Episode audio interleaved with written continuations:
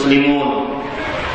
يا أيها الناس اتقوا ربكم الذي خلقكم من نفس واحدة وخلق منها زوجها وبث منهما رجالا كثيرا ونساء. واتقوا الله الذي تساءلون به والأرحام. إن الله كان عليكم رقيبا. يا أيها الذين آمنوا اتقوا الله وقولوا قولا سديدا يصلح لكم أعمالكم ويغفر لكم ذنوبكم ومن يطع الله ورسوله فقد فاز فوزا عظيما أما بعد فإن أصدق الحديث كتاب الله وأحسن الهدي هدي محمد صلى الله عليه وعلى آله وسلم وشر الأمور محدثاتها وكل محدثة بدعة وكل بدعة ضلالة وكل ضلالة في النار. الحمد لله كتاب الشكر على الله سبحانه وتعالى pada هذه ini Ahad pagi menjelang siang 26 Sya'ban 27 Sya'ban 1436 Hijriah kita duduk bersama mengkaji ayat-ayat suci Al-Quran dan hadis-hadis Rasul Sallallahu Alaihi Wasallam. Salawat dan salam semoga selalu Allah berikan kepada Nabi kita Muhammad Sallallahu Alaihi Wasallam, pada keluarga beliau, para sahabat, serta orang-orang yang ikuti beliau sampai hari kiamat kelak. Dengan nama-nama Allah yang husna dan sifat-sifat yang mulia saya berdoa Allahumma aslih lana dinana alladhi huwa asmatu amrina wa aslih lana dunyana allati fiha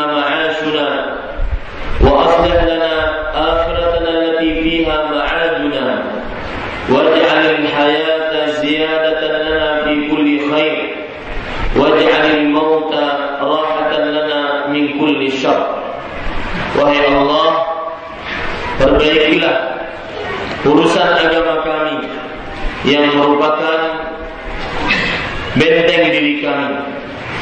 Dan perbaikilah urusan dunia kami yang di dalamnya tempat tinggal kami.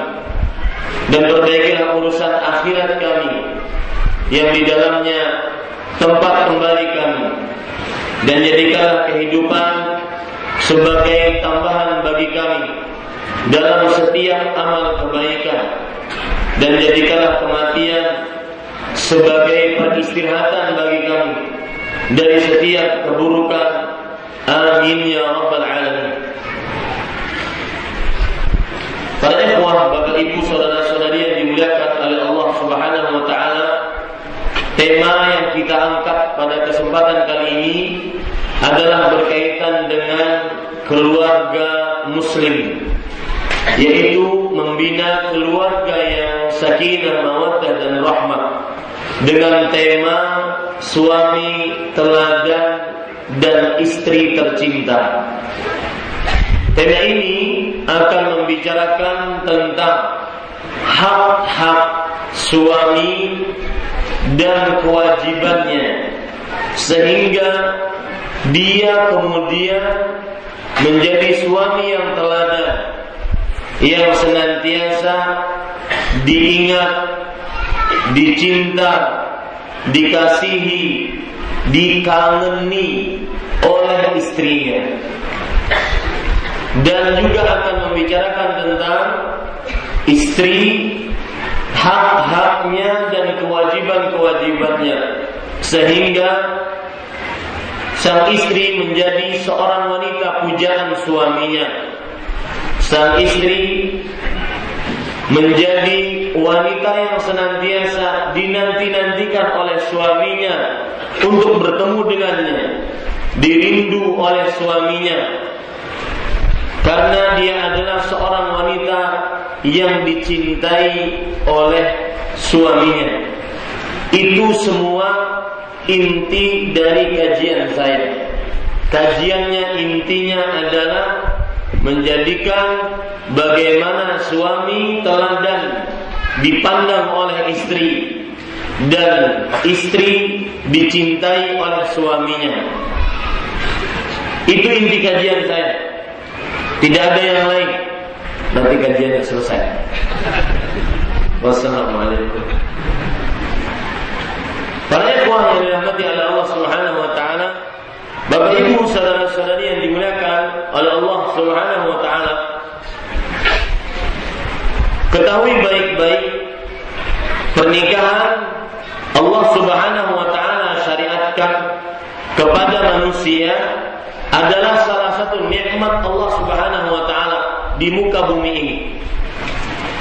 Oleh karenanya Allah Subhanahu wa taala berfirman di dalam Al-Qur'an surat Ar-Rum, "Wa min ayatihi an khalaqa lakum min anfusikum azwajan litaskunu ilaiha."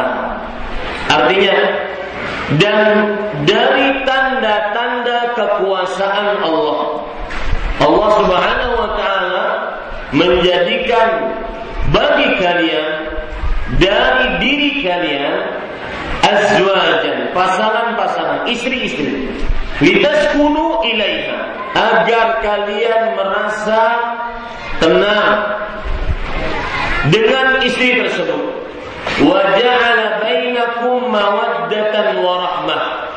dan Allah Subhanahu wa taala menjadikan antara kalian kasih sayang dan kecintaan. Kalau kita baca tafsir dari ayat ini, maka kita akan benar-benar memahami bahwa memang pernikahan adalah salah satu nikmat Allah Subhanahu wa taala yang Allah berikan kepada kita. Ayat yang saya baru bacakan tadi surat Ar-Rum ayat 21. Lihat tafsiran yang disebutkan oleh Imam Ibnu Katsir rahimahullah taala terhadap ayat ini. Wa min ayatihi an khalaqa lakum min anfusikum azwajan. Kata Imam Ibnu Katsir rahimahullah taala, wa min ayatihi ad-dallah ala wa kamali qudratihi annahu khalaqa aba'akum wa adama min turab. Artinya dan dari tanda-tanda kekuasaan Allah yang menunjukkan kuasanya dan kesempurnaan keagungannya. Allah Subhanahu wa taala menciptakan bagi kalian Adam, nenek moyang kalian dari tanah. Lihat baik-baik. Itu ayat yang saya baca tafsirannya dari surat Ar-Rum ayat 20. Yang kita inginkan surat Ar-Rum ayat 21. Sebelum saya lanjutkan penafsiran disebutkan oleh Imam Ibnu Katsir, perlu Bapak Ibu saudara-saudari ketahui di dalam Al-Qur'an jika terdapat ayat artinya ayat-ayat kalau diterjemahkan dalam bahasa Indonesia secara literal maka dia bisa berarti dua makna. Setiap kata ayatun yang dijamak dengan ayat seperti ayat ini.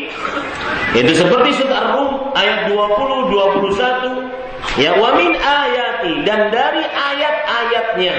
Maka perhatikan baik-baik setiap kata ayat di dalam Al-Qur'an menunjukkan kepada dua makna. Al-ayah al-kauniyah wal ayah al-matluwah. Ayat yang merupakan tanda kekuasaan Allah Subhanahu wa taala dan ayat yang merupakan hal yang patut dibaca oleh seorang muslim. Nah itu, itu faedah pertama dari ayat ini.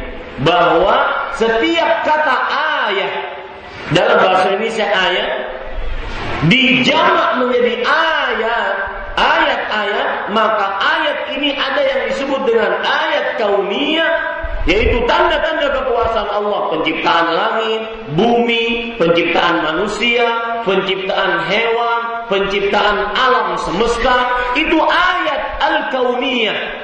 Ayat tanda yang menunjukkan kekuasaan Allah. Makanya Imam Mukadir tadi mengatakan, "Wa min ayatihi dallah ala 'azamatihi." Artinya ayat-ayat yang menunjukkan tentang keagungannya dan kamali kudrati, kesempurnaan kekuasaannya. Ini menunjukkan ayat yang dimaksud adalah apa? Kekuasaan. Ada ayat yang disebutkan oleh Allah Subhanahu wa taala dalam Al-Qur'an ayat juga, tapi maksudnya adalah ayat yang dibaca. Ayat yang di apa? Yang dibaca. Nah, termasuk yang kita bicarakan sekarang berkaitan dengan pernikahan bahwa seorang lelaki menikah dengan perempuan itu adalah tanda kuasa Allah Subhanahu wa taala dan nikmat Allah terhadap hambanya. Itu poin pertama yang saya sebutkan. Bahwa pernikahan adalah tanda kuasa Allah dan nikmat Allah Subhanahu wa taala. Yang mana kalau dia berupa nikmat berarti tunggu akan dimintai pertanggungjawaban oleh Allah.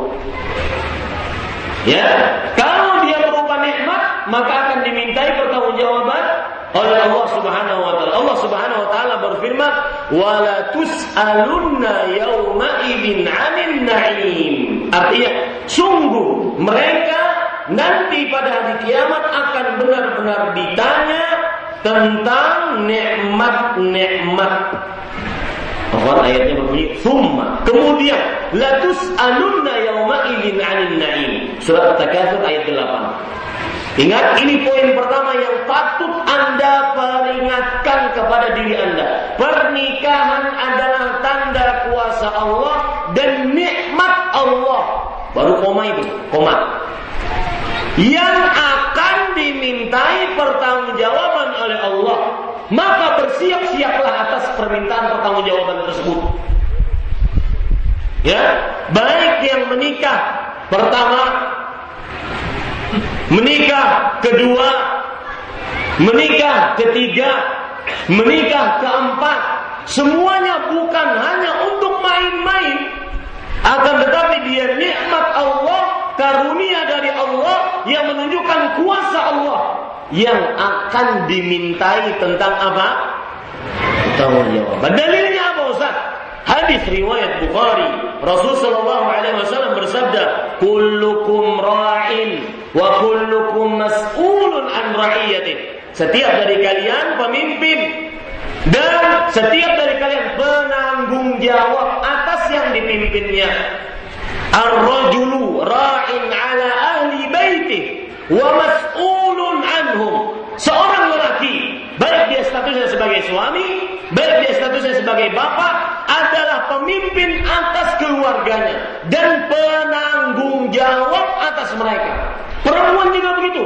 Wal mar'atu ra'iyatun fi baiti zawjiha wa mas'ulatun an baitihi wa auladihi.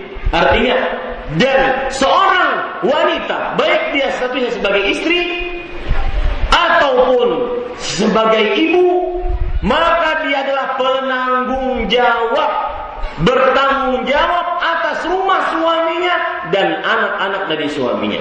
Lihat, semua akan ditanya oleh Allah Subhanahu wa taala. Belum lagi kalau kita perhatikan hadis yang lain, riwayat Muslim, Rasulullah SAW bersabda. Maka di sini perhatikan baik-baik.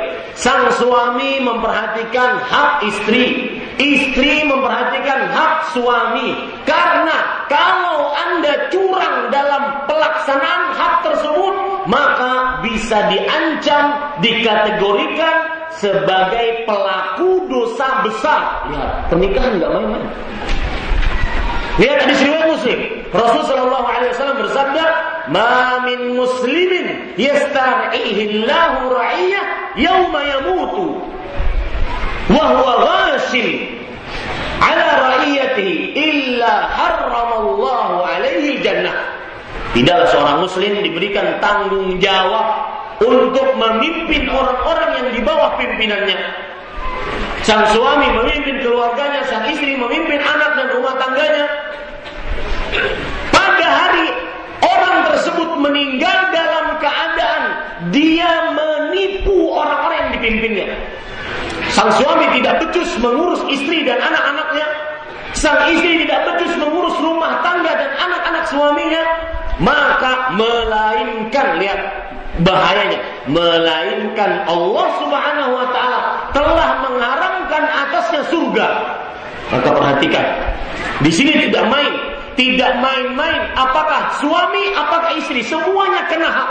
Semuanya kena pertanggungjawaban.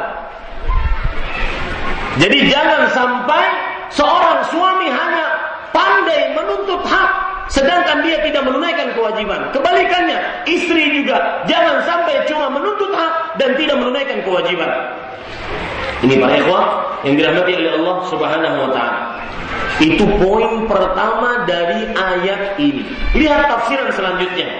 Imam Ibnu Katsir rahimahullah taala mengatakan kunu ilaiha agar kalian merasa tenang kepada istri tersebut. Kata Imam Nukathir, ini persis seperti surat Al-A'raf ayat 189. Huwa alladhi khalaqakum min nafsin wahidah wa ja'ala minha zaujaha liyaskuna ilaiha.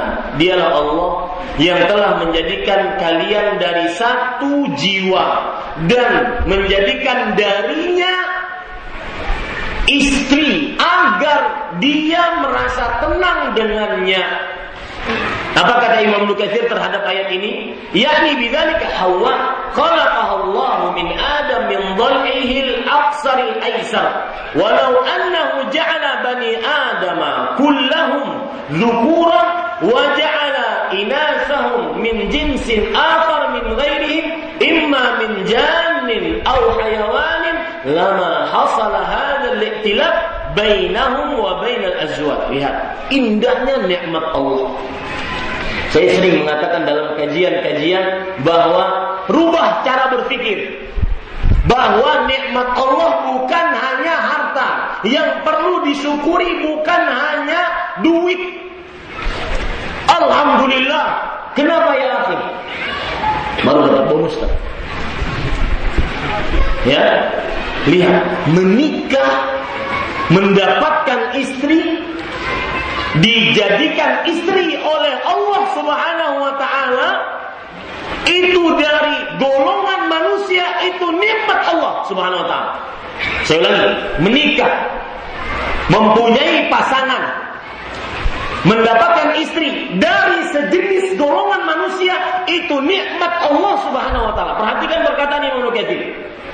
Maksud daripada pasangannya itu Hawa. Allah telah menciptakan dari Adam dari tulang sulbinya yang paling pendek yang bagian kiri Hawa alaihissalam.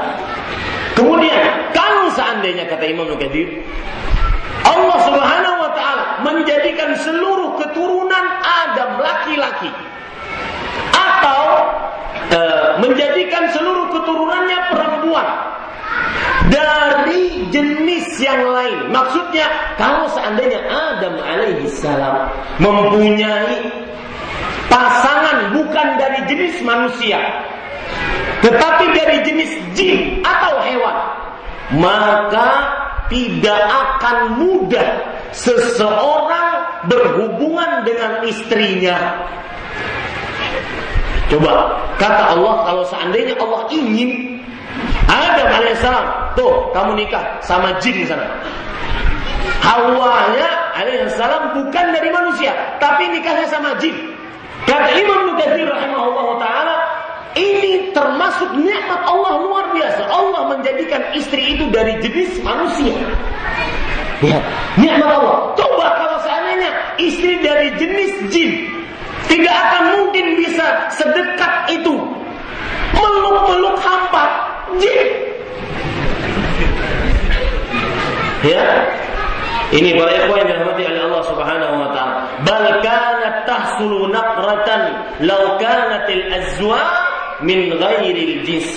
Bahkan yang terjadi adalah nafratan akan terpisah antara suami istri. Kalau seandainya sang istri tidak diciptakan oleh Allah dari jenis manusia sejenis satu spesies. Itu maksudnya jadi catat baik-baik poin kedua nikmat Allah salah satunya adalah Allah menjadikan bagi manusia istri dari jenis yang sama yaitu sama-sama manusia.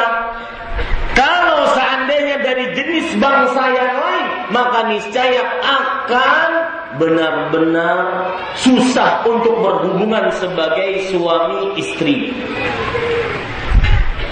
Ya, makanya Imam Lukathir mengatakan, "Tsumma min tamami rahmatihi bi bani Adam an ja'ala azwajahu min jinsihim." Kemudian kesempur dari kesempurnaan rahmat Allah kepada anak manusia, Allah menjadikan istri mereka itu sejenis dengan mereka. Dari sini sebenarnya saya ingin mengaitkan sebuah hal. Semestinya seorang suami yang menikah dengan seorang perempuan mau tidak mau, kenal belum kenal, pasti kalau sudah menikah ada rasa ingin bersatu. Dan ini ayat bantahan kepada orang-orang yang menuduh Islam bahwasanya di dalam Islam tidak ada pacaran, kalau seandainya tidak ada pacaran, berarti umat Islam seperti membeli kucing dalam karung. Kita katakan tidak. Enggak ya akhi. Istri anda dari jenis manusia, bukan dari spesies lain. Yang kalau anda nikahi pasti akan cepat samanya. Paham pak? Maka heran bin aneh kalau seandainya seorang suami Ya, ini ini sebenarnya dibalik poin kedua tadi. Heran, aneh. Kalau seandainya seorang suami menikah dengan seorang istri, maka dia masuk ke dalam jurang jurang perceraian. Kenapa? Karena dia sebenarnya mempunyai motivasi agar senantiasa selalu bersama. Dia sama-sama jenis manusia. Satu malam menikah tadi pagi, malam pertama besok langsung cerai. Itu aneh. Kalau tidak ada udur syar'i itu aneh. Kenapa? Karena asalnya termasuk rahmat dan kesempurnaan rahmat Allah Allah Subhanahu wa taala kepada manusia adalah menjadikan istri tersebut dari satu jenis yaitu dari sama-sama manusia. Kemudian para yang dirahmati oleh Allah. Kemudian Imam Katsir mengatakan wa ja'ala bainahum wa bainahunna mawaddah wa hiya al-mahabbah wa rahmah wa hiya ar-ra'fah fa inna ar-rajula yumsiku al-mar'ata imma li mahabbatihi laha aw rahmatin biha bi an yakuna laha minhu walad aw muhtajatun ilaihi fi infaq aw lil ulfah bainahuma wa ghairi dzalika inna fi dzalika al-ayatin liqaumin yatafakkarun. Subhanallah. Perhatikan indahnya menikah ya. Beliau mengatakan dan kemudian Allah menjadikan di antara suami istri saling cinta, rasa cinta, terpupuk rasa cinta dan rahmat, rasa kasih sayang. Sesungguhnya, lihat ini. Ini nanti akan saya masuk poin ini. Sesungguhnya seorang lelaki, kenapa dia betah dengan seorang perempuan sebagai istrinya? Ada beberapa sebab. Perhatikan Bu. Kenapa suami Anda betah dengan Anda? Ada beberapa sebab. Yang pertama, imma limahabbatihi Karena sang suami cinta kepada istri. Kenapa dia betah bertahun-tahun? Ya. Bahkan ada perkataan suami istri sehidup semati Gak mungkin itu sehidup mati. Siapa mati duluan, sudah akan terpisah. Gak mungkin sehidup semati. Jadi itu rayuan gombal. Sehidup semati. Kalau sudah salah satu dari suami istri meninggal mati, maka yang ada apa? Lu, gua, N. Ya, dan itu benar dalam hadis riwayat Imam Baihaqi Rasul Shallallahu Alaihi Wasallam bersabda ini perlu pelajaran, perlu perhatian sedikit menyimpang tentang dunia. Rasul Shallallahu Alaihi Wasallam pernah bersabda, "Matalu benu Adam wa maluhu wa ahluhu wa amaluhu kama khali rajulin lahu thalathatu akhiriyah."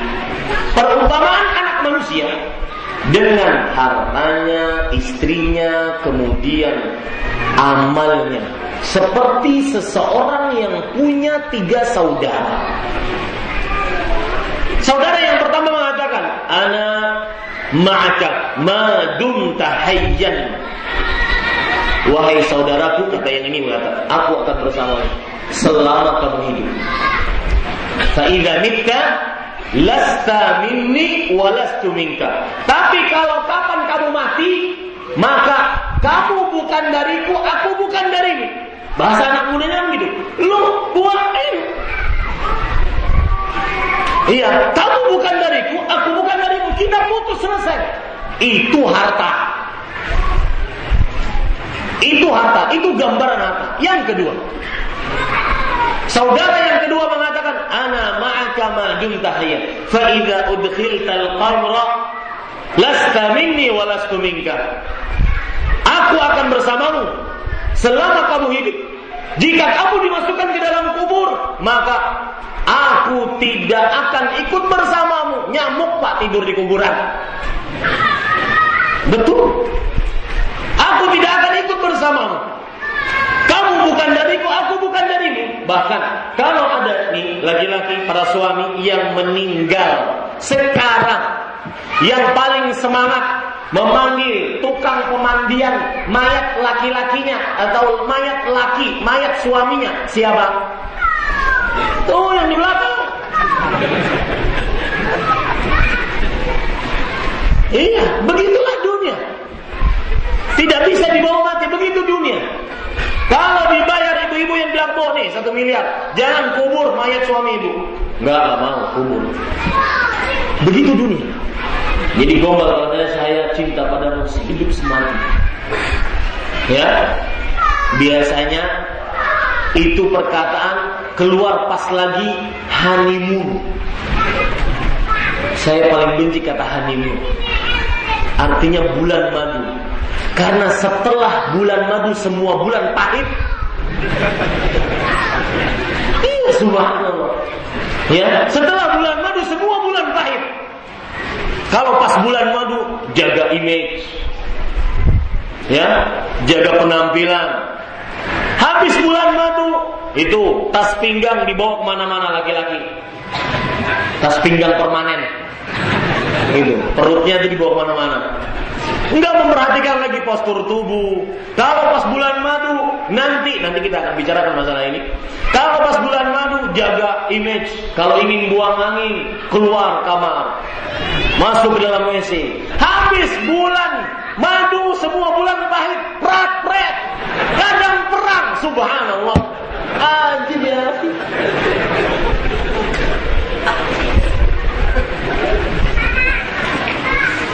Perhatikan baik-baik Bapak Ibu saudara-saudari. Yang ketiga, saudara yang ketiga. Tadi dari saudara, tiga saudara tadi. Apa itu? Yaitu orang ini mengatakan, saudara yang ketiga ini mengatakan, Ana ma'aka madum tahayyan wa mayitan. Aku akan bersamamu selama kamu hidup dan mati. Fadaka amalu, itulah amalnya. Itulah amalnya. Itulah kehidupan dunia. Maka kembali ke permasalahan tadi, seorang lelaki betah, nggak bosan-bosan, 30 tahun yang dilihat ini saja. Kenapa? Salah satu sebabnya adalah karena kecintaan lelaki tersebut kepada sang istri. Maka, ya, itu inti kajian kita. Bahwasanya bagaimana seorang istri selalu dicintai oleh suaminya. Bagaimana memusuk, memupuk rasa cinta tersebut bukan hanya pas ketika bulan madu, tetapi terus-terusan sebagaimana cinta-cinta yang abadi. Cintanya Nabi Muhammad sallallahu alaihi wasallam kepada Khadijah radhiyallahu anha sampai meninggal masih ingat itu sepertinya suara Khadijah. Sampai Aisyah radhiyallahu anha cemburu dengan Khadijah. Saking seringnya Rasulullah SAW menyebutkan tentang Khadijah. Bagaimana itu bisa terjadi? Karena ada cinta yang ada dari suami kepada istrinya. Nah, tugas kita sekarang dalam kajian ini bagaimana memupuk rasa cinta tersebut. Ya, bagaimana memupuk rasa cinta tersebut di antara suami dan istri. Kemudian dia mengatakan, "Auli rahmatin biha" atau karena seorang seorang suami kenapa dia betah dengan istrinya? Betah dengan istrinya bertahun-tahun? Maka jawabannya adalah karena dia kasih sayang kepada istri tersebut. Dari sang dari sang istri dia dapatkan anak. Dari sang istri dia bisa berinfak Ya, dari sang istri dia dapatkan rasa cinta dan selain-lainnya. Makanya Allah akhiri ayat ini, Inna fi dzalika laayat liqaumin yatafakkarun. Sesungguhnya dalam hal itu semua terdapat tanda-tanda kekuasaan bagi orang-orang yang mau berpikir.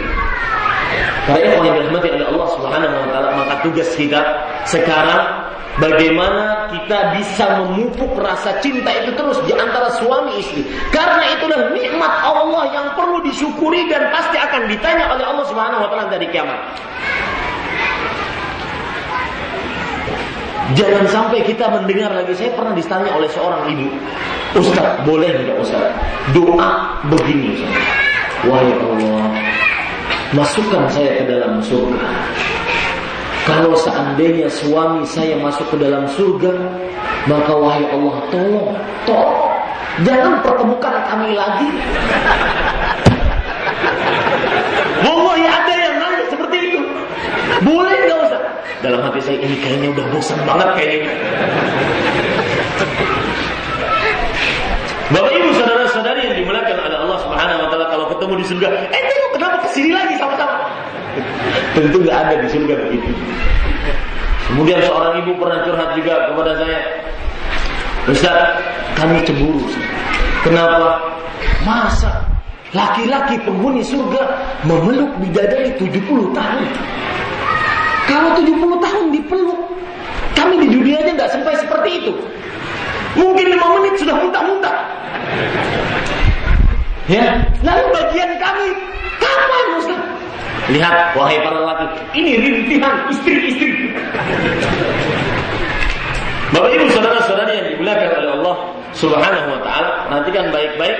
Sekarang kita ingin mengupas apa saja yang bisa memupuk rasa cinta seorang suami terhadap istri dan kebalikannya.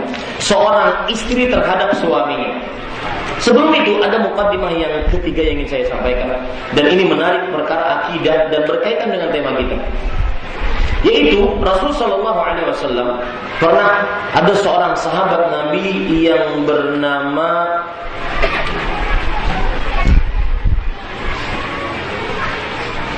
Sofwan ibn Umayyah dalam hadis riwayat Imam Ibnu Hibban, Sofwan ibn Umayyah berkata, "Laqad a'tani Rasulullah sallallahu alaihi wa alihi wasallam yaum Hunain wa innahu lamin abghadhin nasi ilayya fama zala yu'tini hatta innahu la ahabbal khalqi ilayya." Perhatikan baik-baik. Sungguh Rasul sallallahu alaihi wasallam adalah saya ulangi, sungguh Rasulullah SAW telah memberiku pemberian hadiah pada peperangan Hunain. Kata Sufyan bin Umayyah, wong yang waktu itu beliau masih kafir, masih musyrik, tidak mau beriman. Maka ketika peperangan Hunain, kata Sufyan bin Umayyah, sungguh Rasulullah SAW memberiku hadiah. Dan akhirnya sungguh Rasulullah SAW dahulu adalah orang yang paling aku benci. Lalu beliau memberikanku hadiah tanpa kira, tanpa batas hadiahnya. Maka akhirnya beliau sekarang menjadi manusia yang paling aku cintai.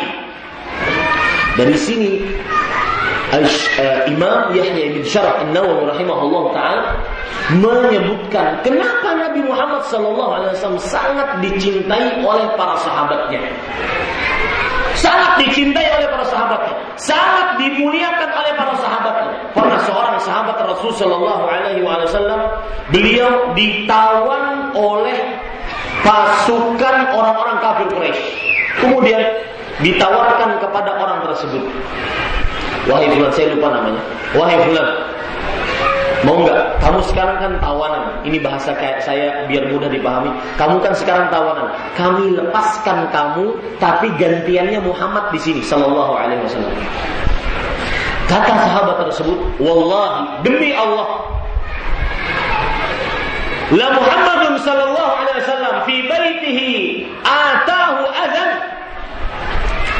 Sungguh Nabi Muhammad wasallam di rumahnya mendapati gangguan, mendapati keburukan, mendapati kemudaratan itu sangat menyedihkanku dibandingkan dia atau beliau duduk di tempatku sekarang sebagai gantianku. Artinya apa? Kalau beliau di rumah saja mendapati gangguan, mudarat dari kalian, maka itu sangat menyedihkanku. Apalagi sampai di beliau menggantikanku di sini. Lihat pengagungan dan cintanya para sahabat Nabi radhiyallahu anhu. Kemudian pada suatu riwayat dalam riwayat Bukhari dan Muslim juga bahwa kaum Ansar ketika penaklukan kota Mekah mereka menganggap Rasulullah SAW ketika kan Nabi Muhammad SAW ketika penaklukan kota Mekah beliau mengatakan man dakhala baita Abi Sufyan bahwa amin. Man Masjidil Haram bahwa amin. Barang siapa yang masuk ke dalam rumah Abu Sufyan dia aman. Barang siapa yang masuk ke dalam Masjidil Haram dia aman. Barang siapa yang masuk ke dalam rumahnya dia aman. Kata kaum Ansar kaum Madinah ini pas penaklukan kota Mekah Kata kaum Ansor, ah, menunjuk me, me, menunjuk kepada Rasulullah. Ah, laki-laki tersebut hanya ingin kembali ke kampungnya. Setelah berhijrah ke kota Madinah, kemudian dapat pasukan, kemudian setelah itu menaklukkan kota Mekah, beliau hanya ingin kembali ke kampung halamannya. Kemudian meninggalkan kita. Maka hal itu ditanggapi oleh Rasulullah SAW. Kata beliau, sesungguhnya aku adalah hamba Allah dan pantang bagiku kalau sudah diperintahkan untuk berhijrah dari kota Mekah ke kota Madinah pantang bagiku untuk tinggal kembali ke kota Mekah aku hamba Allah yang diperintahkan oleh Allah Subhanahu wa taala maka kaum Ansor menangis. Wahai Rasulullah, kami mengatakan seperti itu bukan apa-apa. Hanya karena kami tidak ingin berpisah denganmu. Pertanyaannya, pernahkah kita kembalikan kepada kepada uh, kehidupan kita berumah tangga suami istri. Pernahkah ketika anda jauh dari istri, sang istri mengatakan, Mas kapan pulang? Kangen. Kenapa Nabi Muhammad SAW sangat dicintai oleh para sahabatnya? Sampai kaum Ansar menangis karena takut berpisah dengan Rasul Sallallahu Alaihi Wasallam. Hah? Yang ada sebagian istri atau sebagian ya sebagian istri, Mas, sudah nggak usah pulang deh ya. Ente pulang bikin keruh aja di rumah. Pernahkah kita dikangeni oleh istri? Lihat, ini prestasi. Dan itu prestasi tidak dibuat-buat. Ada SMS muncul, Mas, kapan pulang? Kangen Kapan bisa seperti itu? Kapan Rasul Shallallahu Alaihi Wasallam dicintai? Imam Nawawi rahimahullah taala menjelaskan ada tiga sebab. Kenapa Nabi Muhammad SAW sangat dicintai oleh para, oleh para sahabatnya? Dan ini bisa dicontoh dalam kehidupan kita berumah tangga. Yang pertama, lihusni khilqati. Karena baik penampilannya. Ya, makanya saya tadi singgung tentang tas pinggang permanen. Laki-laki ngalang-ngalain ibu hamil perutnya. Permanen lagi, nggak bisa dilepas. Ya, dan sedikit menyinggung para ikhwan yang dirahmati oleh Allah. Tapi meskipun misalkan suami kita masih dalam tahap perbaikan bentuk tubuh, ya maka jangan sampai di antara suami istri ada saling ejek mengejek. Sang suami buka baju kemudian sang istri bercanda bercanda bukan ingin mengejek tetapi bercanda. Masya Allah kudanil dari mana ini? Enggak boleh. Sang suami memakai apa yang dilakukan oleh Rasulullah? Tidak boleh dan balas dendam. Aisyah radhiyallahu anha bercerita, "Man taqama Rasulullah sallallahu alaihi wasallam li nafsihi qad illa an tuntataha tuntahaka hurmatun min hurmatillah fayantaqimu lillah." Rasul sallallahu alaihi wasallam tidak pernah membalas dendam atas diri beliau. Jadi kalau tiga suami dikatakan kudani jangan awas nanti kalau baju di kamar ya nggak boleh. Ya, misalkan masuk ke dalam kamar istrinya mungkin sedang ganti baju atau bagaimana. Subhanallah. Si kamu dari mana? Enggak boleh, ya. Tidak boleh. Ini para ikhwan yang dirahmati oleh Allah. Ini hal yang pertama. Kenapa Rasulullah SAW sangat dicintai oleh oleh para sahabatnya? Karena saking bagusnya penampilan. Pak, tidak ada satu hadis pun atau ayat pun yang menceritakan celaan musuh-musuh Rasulullah ketika beliau masih hidup dari sisi fisikly nggak ada. Nabi Muhammad SAW fisiknya sangat sempurna, penampilannya sangat sempurna. Maka perhatikan baik-baik penampilan di hadapan istri. Penampilan, bau badan, bau mulut, penampilan. Lihat Rasulullah SAW. Sebelum beliau masuk rumah, beliau bersiwak, Beliau bersabda Nabi Muhammad sallallahu alaihi wasallam bersabda, "Hubbiba ilayya min dunyakum at-tibu wan nisa." Diindahkan dari dunia kalian kepadaku minyak wangi dan perempuan. Kenapa? Karena beliau sangat menjaga penampilan bau wangi. Hal ini disebutkan dalam riwayat Imam Ahmad dan Imam An-Nasai. Ini para ikhwah yang dirahmati oleh Allah Subhanahu wa taala. Jaga penampilan. Li husni khilqati kata Imam Imam An-Nawawi rahimahullah. Nabi Muhammad sallallahu alaihi wasallam dicintai oleh umatnya karena baiknya penampilannya. Coba perhatikan para ikhwah, penampilan baju, penampilan kaos dalam, Ya, itu kenapa sih saya heran? Kaos dalam yang sudah bolong-bolong, kemudian menguning, itu paling suka dipakai kenapa? Ya, ganti-ganti ya. Ya, ganti. Ustaz enak berangin katanya. Kamu Ini pada yang dirahmati Allah. Jaga penampilan. Kemudian yang kedua, lihusni Karena kebaikan akhlaknya dicintai oleh para sahabat Nabi radhiyallahu anhu. Kebaikan akhlaknya, akhlak Rasul SAW di antaranya pemberi. Lihat, jadi suami jangan bakhil ya. Jangan sampai sang istri mengadu dulu, bang, ini bang, jilbabnya robek, lihat nggak bang? Baru dibelikan, enggak, perhatikan.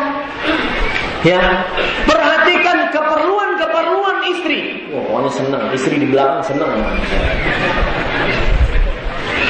Ya, ini para ikhwan dirahmati oleh Allah Subhanahu wa taala. Husnul khuluqihi. Makanya Allah Subhanahu wa taala berfirman di dalam Al-Qur'an dan ini adalah metodologi paling dominan dalam membangun keluarga yang sakinah mawaddah dan rahmah. Amalkan surat An-Nisa ayat 19. Allah Subhanahu wa taala berfirman di dalam Al-Qur'an wa ashiruhunna bil ma'ruf. Gauli istri-istri kalian dengan baik. Ini adalah metode yang sangat luar biasa. Surat An-Nisa ayat 19, ya. Jadi membicarakan tentang keluarga muslimah itu dari beberapa sisi menarik. Di antaranya ini, metode yang paling cocok untuk dipakai membangun keluarga yang sakinah, mawaddah dan rahmah. Gauli mereka dengan baik.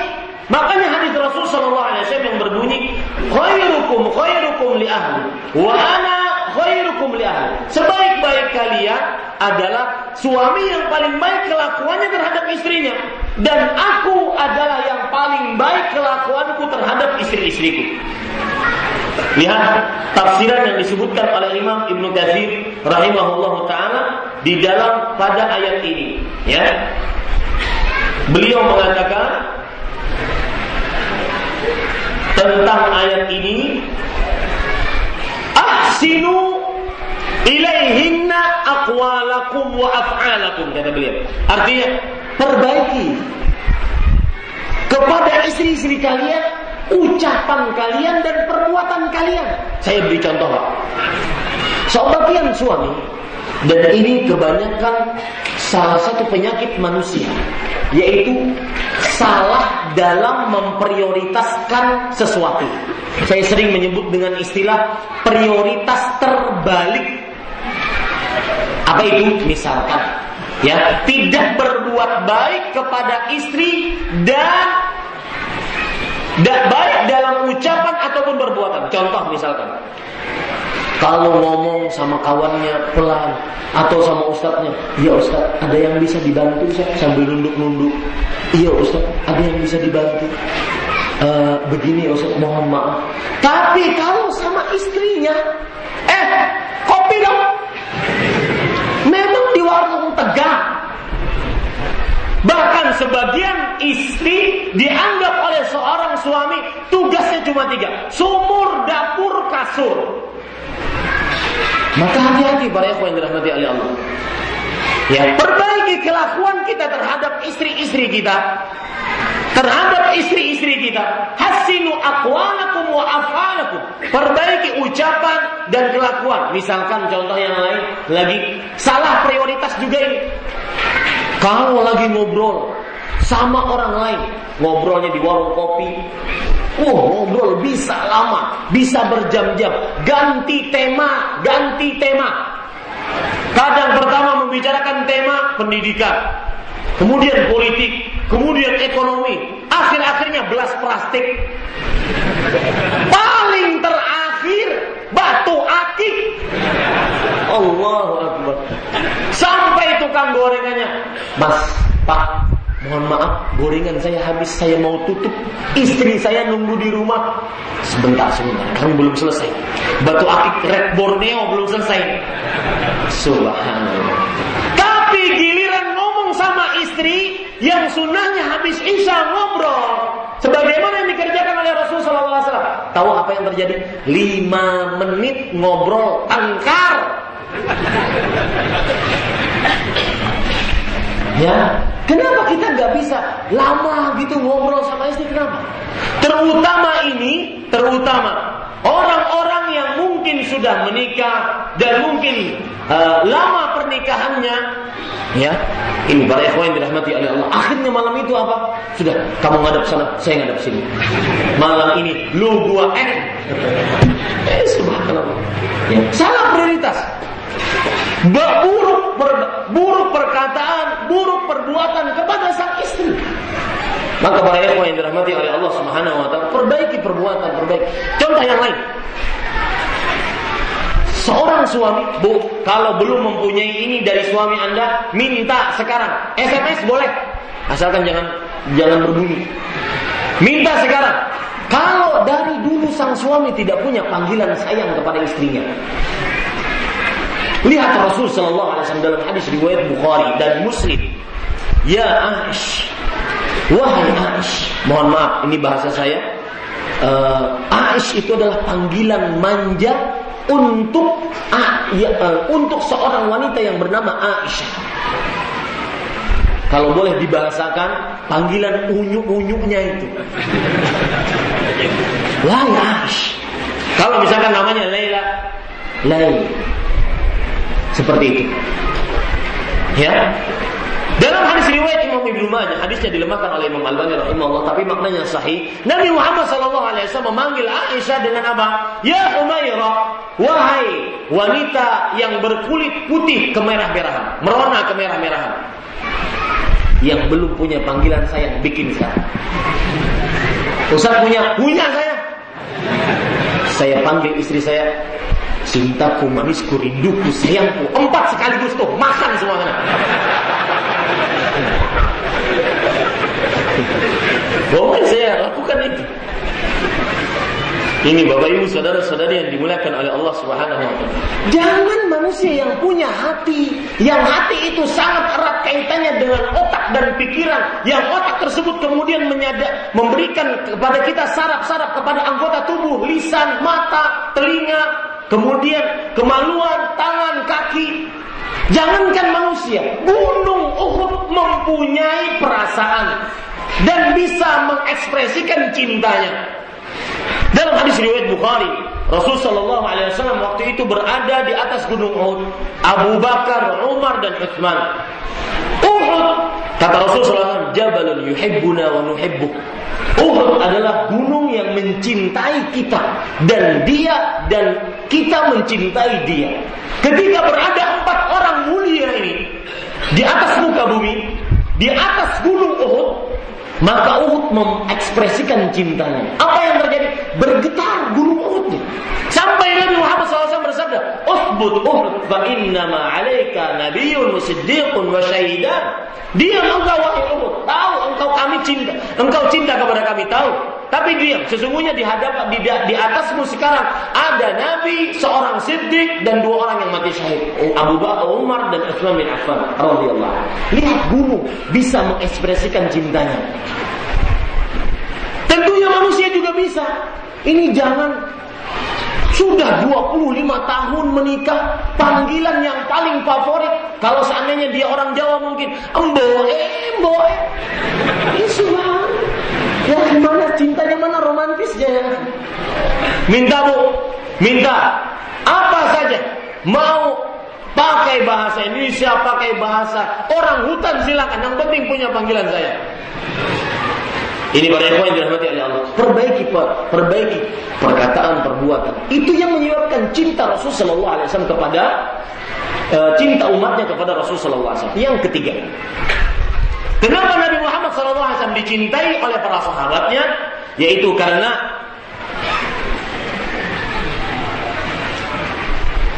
lihusni ataihi karena kebaikan pemberiannya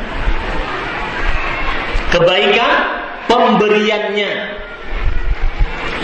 Seperti yang diceritakan tadi dalam hadis riwayat Imam Ibnu Hibban, Sofwan ibn Umayyah masuk Islam menjadikan Rasulullah Shallallahu Alaihi Wasallam yang asalnya manusia paling dibenci menjadi manusia yang paling dicinta. Kenapa? Karena pemberian Rasul Sallallahu Alaihi Wasallam dan itu logika dasar manusia, Pak.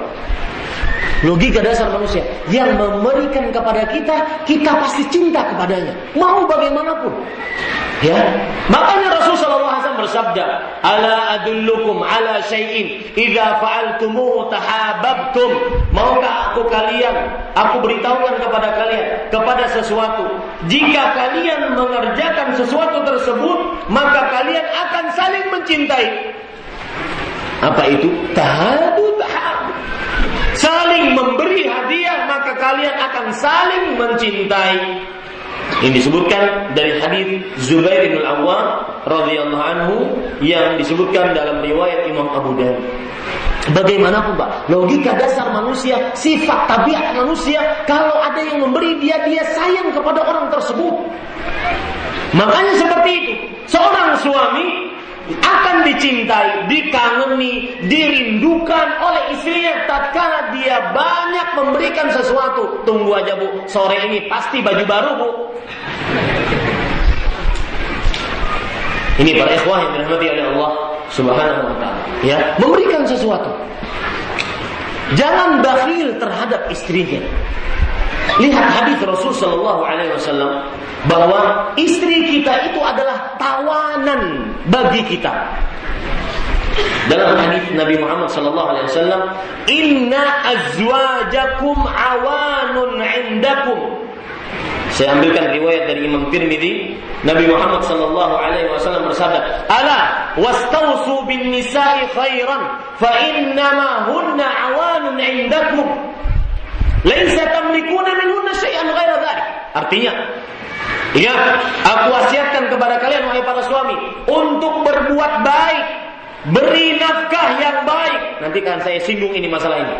Beri nafkah yang baik sesungguhnya istri-istri kalian adalah awanun bainakum. Artinya apa? Tawanan di sisi kalian. Mereka tidak memiliki sesuatu kecuali apa yang kalian nafkahi. Itu istri. Bahkan urusan nafkah nanti akan saya singgung masalah ini. Urusan nafkah, ya. Seorang suami wajib menafkahi istrinya. Yang arti wajib adalah definisi wajib itu apa? Ma talabahu syari'u talaban jaziman. Sesuatu yang diminta oleh pembuat syariat untuk dikerjakan dengan permintaan yang sangat ditekankan. Itu arti wajib. Yang kita kenal selama ini adalah nilai wajib. Definisi wajibnya kita tidak kenal. Nilai wajibnya apa? Apabila dikerjakan mendapatkan pahala, ditinggalkan berdosa. Wajib bagi suami memberikan nafkah meskipun sang istri saudagar kaya. Wajib bagi suami memberikan nafkah meskipun sang istri saudagar kaya. Maka para ikhwan yang dirahmati oleh Allah, jangan bakhil kita terhadap istri kita. Ya, karena kita akan dicintai, dikangeni, dirindukan, didambakan, diteladani. Karena kenapa? Karena ya pemberian kita terhadap istri-istri kita. Makanya dalam hadis Ummu Zara dan Abu Zara ada seorang istri yang mengadu bahwasanya suaminya itu bakhil. Ya, suaminya itu bakhil. Ini para ikhwan yang dirahmati oleh Allah Subhanahu wa taala. Sekarang kita itu tadi semua adalah muqaddimah. Pengajian kita belum. Sekarang saya ingin menyebutkan tentang Perhatikan ini sekarang kita ingin menyebutkan kan judulnya suami teladan, istri tercinta. Saya ambil dari bawah dulu deh. Bagaimana seorang istri dicintai oleh suaminya. Perhatikan sekarang ibu-ibu. Ya. Suami teladan, istri tercinta. agar istri senantiasa dicintai oleh suaminya, maka saya berpesan dan ini pesan diambilkan dari Al-Qur'an dan hadis Rasulullah SAW. Tunaikanlah hak suami yang paling agung. Apa itu? Melayani suami di atas ranjang. Saya katakan sekali lagi, agar suami dicintai oleh suami oleh istrinya, eh, agar istri dicintai oleh suaminya, maka tunaikanlah hak suami yang paling agung yang merupakan kewajiban sang istri, yaitu apa? Yaitu seorang istri senantiasa memenuhi, melayani sang suami di atas ranjangnya. Sebelum saya lanjutkan menyebutkan dalil-dalilnya, pernah suatu ketika saya diundang oleh seseorang walimatul urus. Makanlah di situ di samping-samping ikhwah. Ada orang samping saya umur 50 tahun. Beliau bercerita. Perhatikan ibu-ibu ceritanya. Ustaz, benarkah atau bolehkah kalau umur 50 tahun itu seorang istri boleh menolak ajakan suaminya?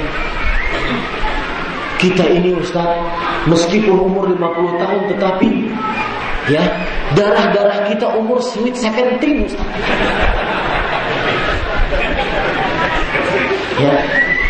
Kadang Ustaz Beliau cerita ini asli ceritanya, asli pakai sok bukan pakai sim. Asli. Beliau cerita, Ustaz, kadang Ustaz, kita ini kan pengen. Kadang istri diajak mengeluh sakit. Yang kedua, kalau seandainya mengeluh, mohon maaf, mohon maaf, masuk ember ke dalam sumur mengeluh sakit. Yang ketiga, kadang mengeluh dingin kalau mandi dan semisalnya. Ya, kadang Ustaz, subhanallah ini yang mengenaskan. Kadang Ustaz, seminggu pun nggak dapat. Lihat, lihat bu, rintihan para suami. Subhanallah. Ya, perhatikan baik-baik. Kenapa demikian? Nanti kita akan bahas. Lihat dalil yang pertama. Kenapa hak ini adalah hak yang paling utama? Maka perhatikan hadis Nabi Muhammad wasallam yang diriwayatkan oleh Imam Bukhari dari Abu Hurairah radhiyallahu anhu. Rasul sallallahu alaihi wasallam bersabda, "Idza da'a ar-rajulu imra'atahu ila firashih fa'abat an taji'a Fabata ghadbana la'anat hal malaikatu hatta tusbih. Mohon konsen dengan hadis ini karena nanti hadis ini ada beberapa hadis yang lafadznya sama tetapi ada tambahan-tambahan riwayat di situ terdapat pelajaran-pelajaran menarik.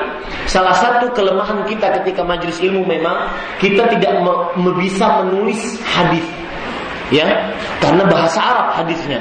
Tetapi yang saya ingin ajari kalau seandainya disebutkan oleh seorang ustadz hadis maka sebutkan uh, poin dari hadis itu. Ya, poin dari hadis. Jangan biarkan hadis itu di bapak dengar saja, ibu dengar saja, kemudian tidak dicatat. Tapi poin hadis itu apa? Lihat hadis ini baik-baik. Hadis riwayat Imam Bukhari dari Abu Hurairah radhiyallahu anhu. Da'a rajulu imra'atahu ila. Jika seorang lelaki mengajak istrinya ke ranjangnya.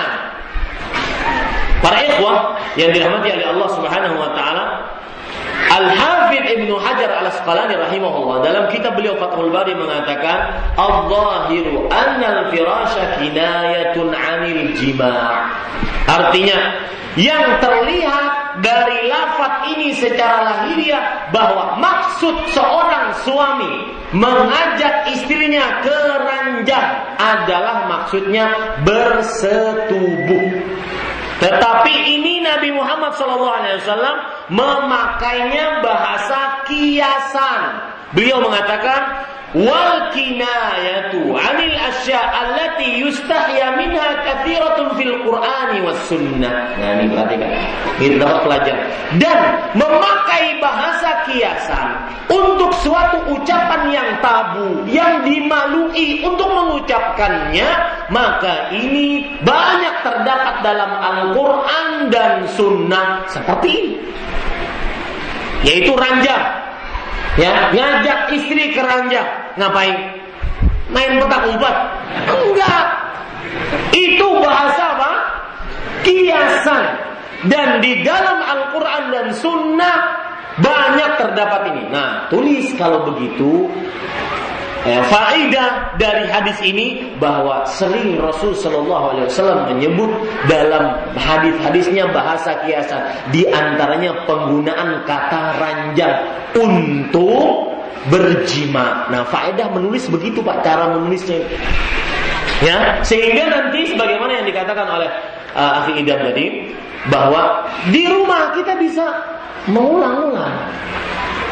Kita ini bukan kajian yang uh, asal kajian, tidak. Kita kajian yang di dalamnya kita membuat kita pintar, lebih pintar dari sebelumnya tentang agama Islam. Makanya saya pesan di mana-mana, saya katakan kalau anda ikut kajian ahlu sunnah yang ngisi ustadz-ustadz yang mengajari dakwah sunnah, maka minimal anda bawa mushaf terjemah karena mungkin buku hadis nggak mungkin kita bawa, minimal mushaf terjemah. Kapan Ustaz menyebutkan ayat langsung periksa. Oh ini, ini yang dimaksud oleh Ustaz. Sehingga benar-benar konsen kita menuntut ilmunya. Nah tadi faedah menarik, yaitu sering Rasulullah SAW memakai bahasa kiasan untuk sesuatu yang dimalui untuk diucapkan. Dan ini adab seorang muslim. Ya, jika seorang suami mengajak istrinya ke ranjang, ranjang yang dimaksud maksudnya adalah bersetubuh. Ya, bersetubuh. Seperti misalkan hadis Rasul Shallallahu Alaihi Wasallam, al waladu lil firas, anak dimiliki oleh yang memiliki ranjang. Jadi kalau seandainya ada seorang istri hamil, ini hamil anaknya siapa? Pengadilan bertanya, pengadilan langsung mengatakan al-waladu firas. Anak yang di dalam janin tersebut, eh yang di dalam rahim tersebut adalah yang memilikinya suami yang sah. Ya, firas di sini maksudnya adalah suami yang menggauli, menyetubuhi istrinya di atas ranjangnya. Dan ini sedikit menyimpang tentang zina. Di situ buruknya perzinahan, Pak.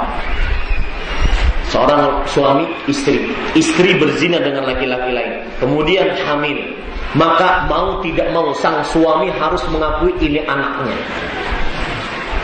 Kenapa? Hadis Rasul, al-waladu firash.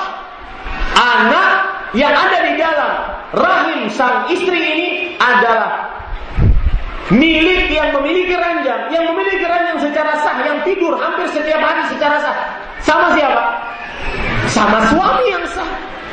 Dan itu buruknya zina. Ketika bayi tersebut lahir, padahal dia bukan bayi kita.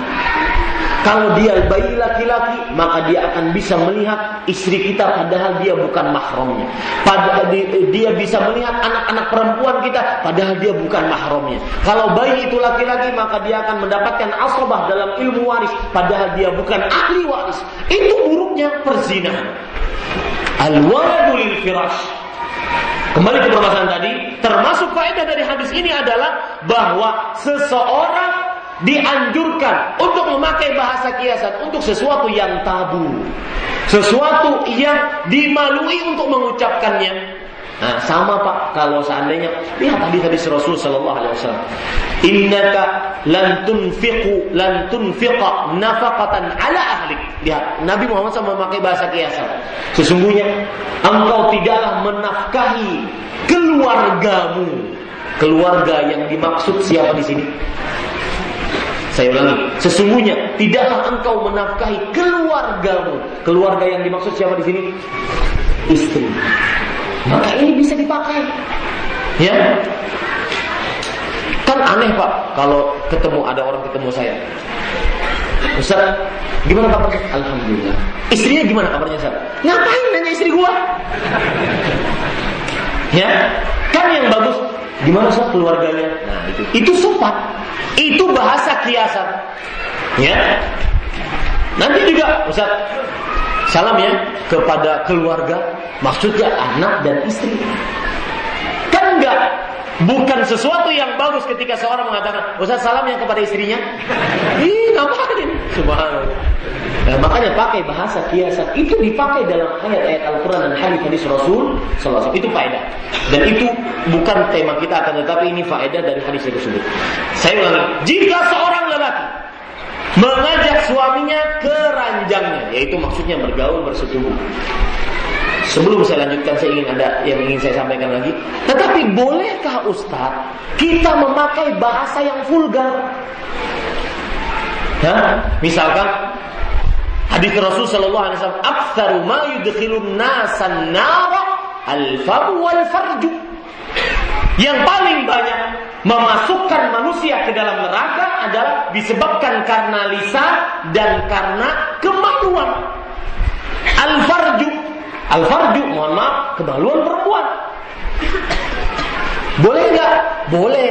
Boleh mengucapkan bahasa secara vulgar. Boleh. Tetapi lebih baik dengan bahasa apa? Di daerah pedalaman Kalimantan saya pernah diundang oleh orang. Ditulis di depan WC-nya mohon maaf bahasa saya agak vulgar. Mohon maaf. Siapa yang sudah berak mohon tahinya disiram. Vulgar sekali. Dalam hati saya boleh sih secara agama ini nggak apa-apa. Ya ini Pak Eko yang dirahmati Allah Kan kalau bahasa sopannya, bahasa kiasannya bagaimana? Setelah buang air besar, mohon disiram. Selesai kan? Bahasa kiasan. Ini para ikhwan. Kembali kita ke permasalahan. Jika seorang lelaki mengajak istrinya ke ranjangnya itu bersetubuh. Fa'abat antajia. Lalu dia enggan untuk datang. Fabata ghadmana maka suami tersebut marah. Nah ini ini garis bawahi baik-baik. Suami tersebut marah. La'anat hal malaikatu hatta tusbih. Niscaya malaikat akan melaknatnya sampai pagi. Kata-kata sampai pagi pun di garis bawahi. Itu riwayat pertama. Dan ini merupakan ancaman keras bagi seorang istri ketika diajak suaminya ke ranjangnya, dia menolak Kalau sampai sang suami membencinya murka atas tolakan tersebut, maka dia dapat dosa besar. Lihat, garis bawah ibu-ibu baik-baik. Seorang wanita yang menolak ajakan suaminya sampai suaminya murka, maka dia dapatkan dosa besar karena dilaknat oleh malaikat sampai pagi. Definisi laknat adalah kullu dzambin khatamahu Allah au narin au adab Allah setiap dosa ini definisi dosa besar setiap dosa yang diancam oleh Allah dengan laknat dengan siksa dengan neraka dan murka itu dosa besar maka hati-hati ibu-ibu, saudari-saudari muslimah. Jangan menolak suami kita ketika mengajak kita ke ranjangnya. Sampai sang suami murka. Oh Ustaz, kalau begitu, kalau tidak murka boleh dong. Berdasarkan hadis pertama boleh. Ya, berdasarkan hadis pertama boleh. Kalau tidak murka, aduh mas, capek mas. Aduh, nggak apa-apa. Sang suami penyabar. Tahunya sabar-sabar, ya, seperti air mengalir, dia sabar-sabar mencari pos kedua. Subhanallah. Ini para ikhwan yang dirahmati oleh Allah Subhanahu wa taala. Malaikat hatta tusbih. Lihat, malaikat melaknatnya sampai pagi. Berarti setelah terbit fajar kedua berhenti laknat malaikat. Ingat itu penjelasan-penjelasan nanti akan beda riwayat selanjutnya. Lihat riwayat selanjutnya. Rasulullah SAW bersabda, "Walladzi nafsi biyadih." Ini tambahan, salah satu tambahan. Demi jiwaku yang berada di tangannya. Di sini berarti Rasulullah sedang sedang apa? Bersumpah. Apa pengertian sumpah?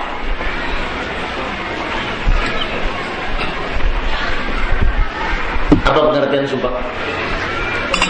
Maling ayam ketangkap. Kemudian dia mengatakan, Demi Allah, demi ibu saya yang melahirkan saya tujuh turunan. Saya tidak mencuri kecuali satu. Ya, ngapain dia sumpah maling ini? Demi apa? Menekankan pembicaraan yang sedang dia ucapkan. Itu pengertian sumpah. Berarti ketika Rasulullah SAW bersumpah adalah di beliau sedang menekankan pembicaraan beliau. Makanya dalam Islam. Jadi pengertian sumpah itu begini. Sumpah adalah mengucapkan sesuatu yang diagungkan untuk menekankan pembicaraannya. Itu sumpah artinya menekat mengucapkan sesuatu yang diagungkan untuk menekankan pembicaraan yang sedang dia bicarakan. Makanya dalam Islam man halafa falyahlib billah wa man halafa bighairillah faqad asyrak. Barang siapa yang bersumpah, maka hendaklah dia bersumpah dengan menyebut nama Allah. Barang siapa yang bersumpah dengan nama selain Allah, maka sungguh dia telah berbuat syirik. Pertanyaan, kenapa orang yang bersumpah tadi demi ibu saya yang melahirkan saya? Ini orang telah mengucapkan ucapan kesyirikan. Kenapa? Ada yang paham? Lihat uh, definisi yang saya sebutkan dengan sumpah. Sumpah adalah mengucapkan sesuatu yang dia agungkan untuk menekankan perkataannya. Ini sedikit berbicara tentang akidah ya. Kenapa orang bersumpah dengan nama selain Allah kemudian dinyatakan kesyirikan? Karena dia mengagungkan selain. Siapa dalam hal ini diagungkan oleh maling tadi? Ibunya. Di situlah kenapa bersumpah dengan nama selain Allah disebut kesyirikan. Karena dia menyamakan ibu dengan Allah dalam perkara yang khusus milik Allah yaitu pengagungan. Tidak ada yang boleh diagungkan kecuali.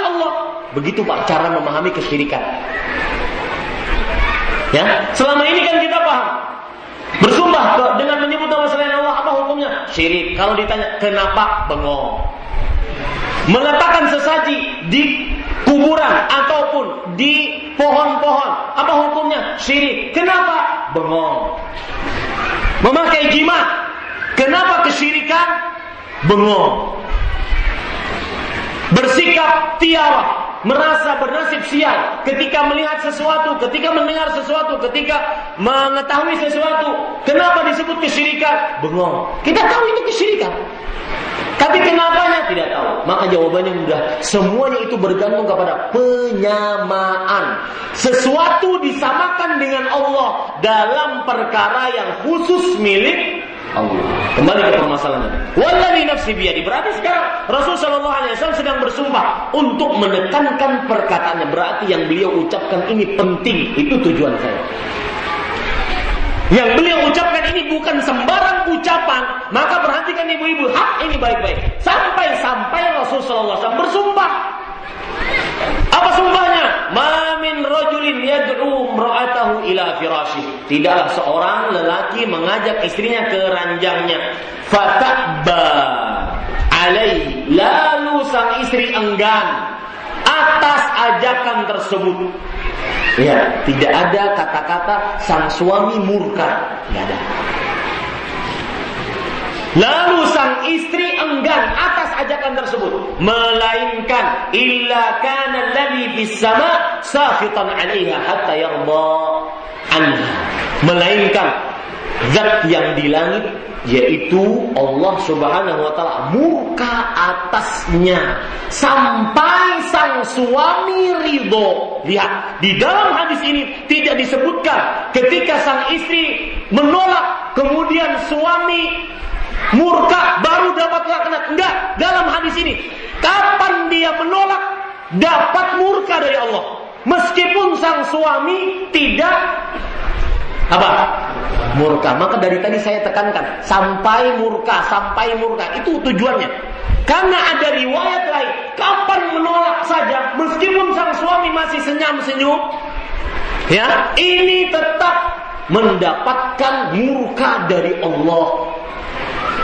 Kemudian penjelasan lain, harta yang Murka itu sampai kapan? Enggak sampai pagi, sampai sang suami memaafkan, ridho dengan istrinya.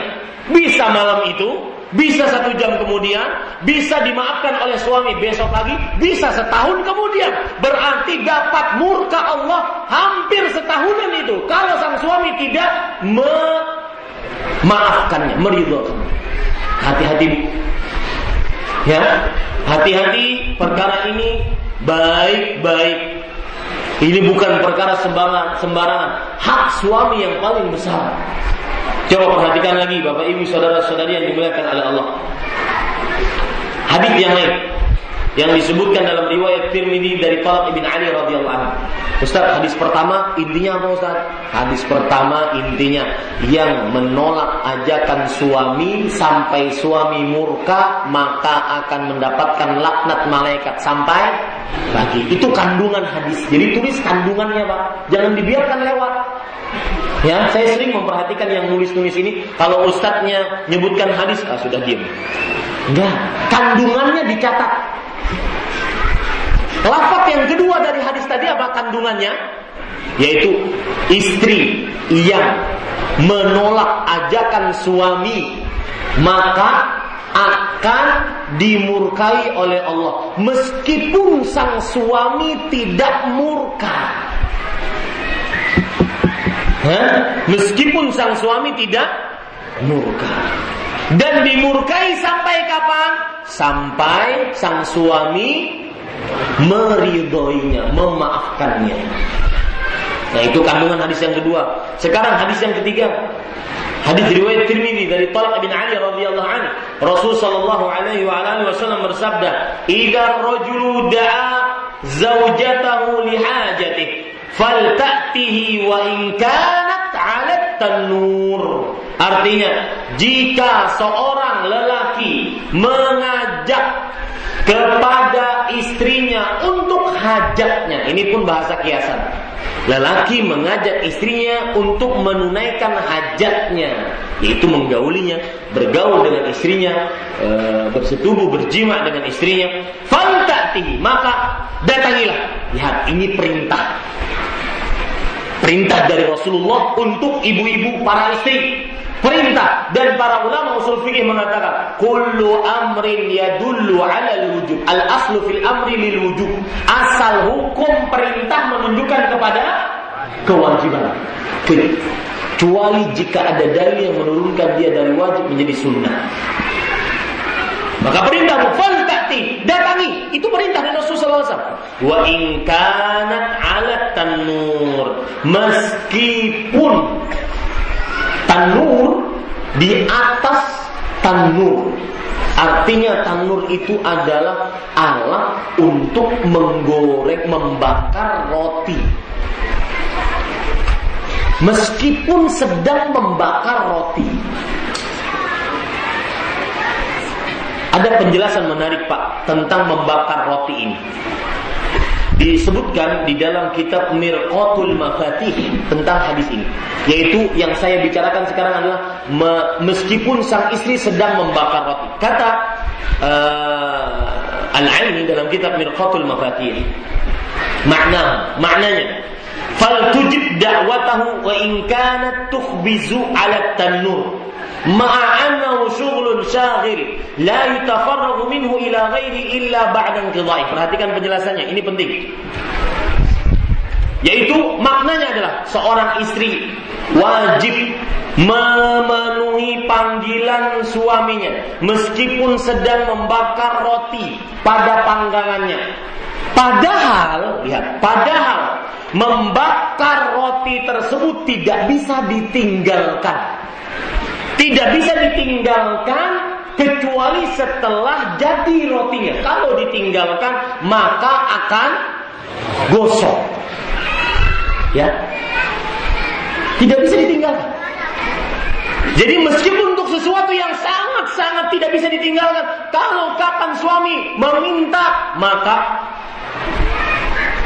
dikabulkan permintaannya didatangi panggilan suaminya, dipenuhi panggilan suaminya. Kemudian ada penjelasan lagi menarik. Qala Ibnul Malik Ibnul Malik mengatakan, "Wahada bishar an yakuna lizawj." Artinya, dengan syarat roti yang dipanggang tersebut memang ingin dihidangkan untuk suami.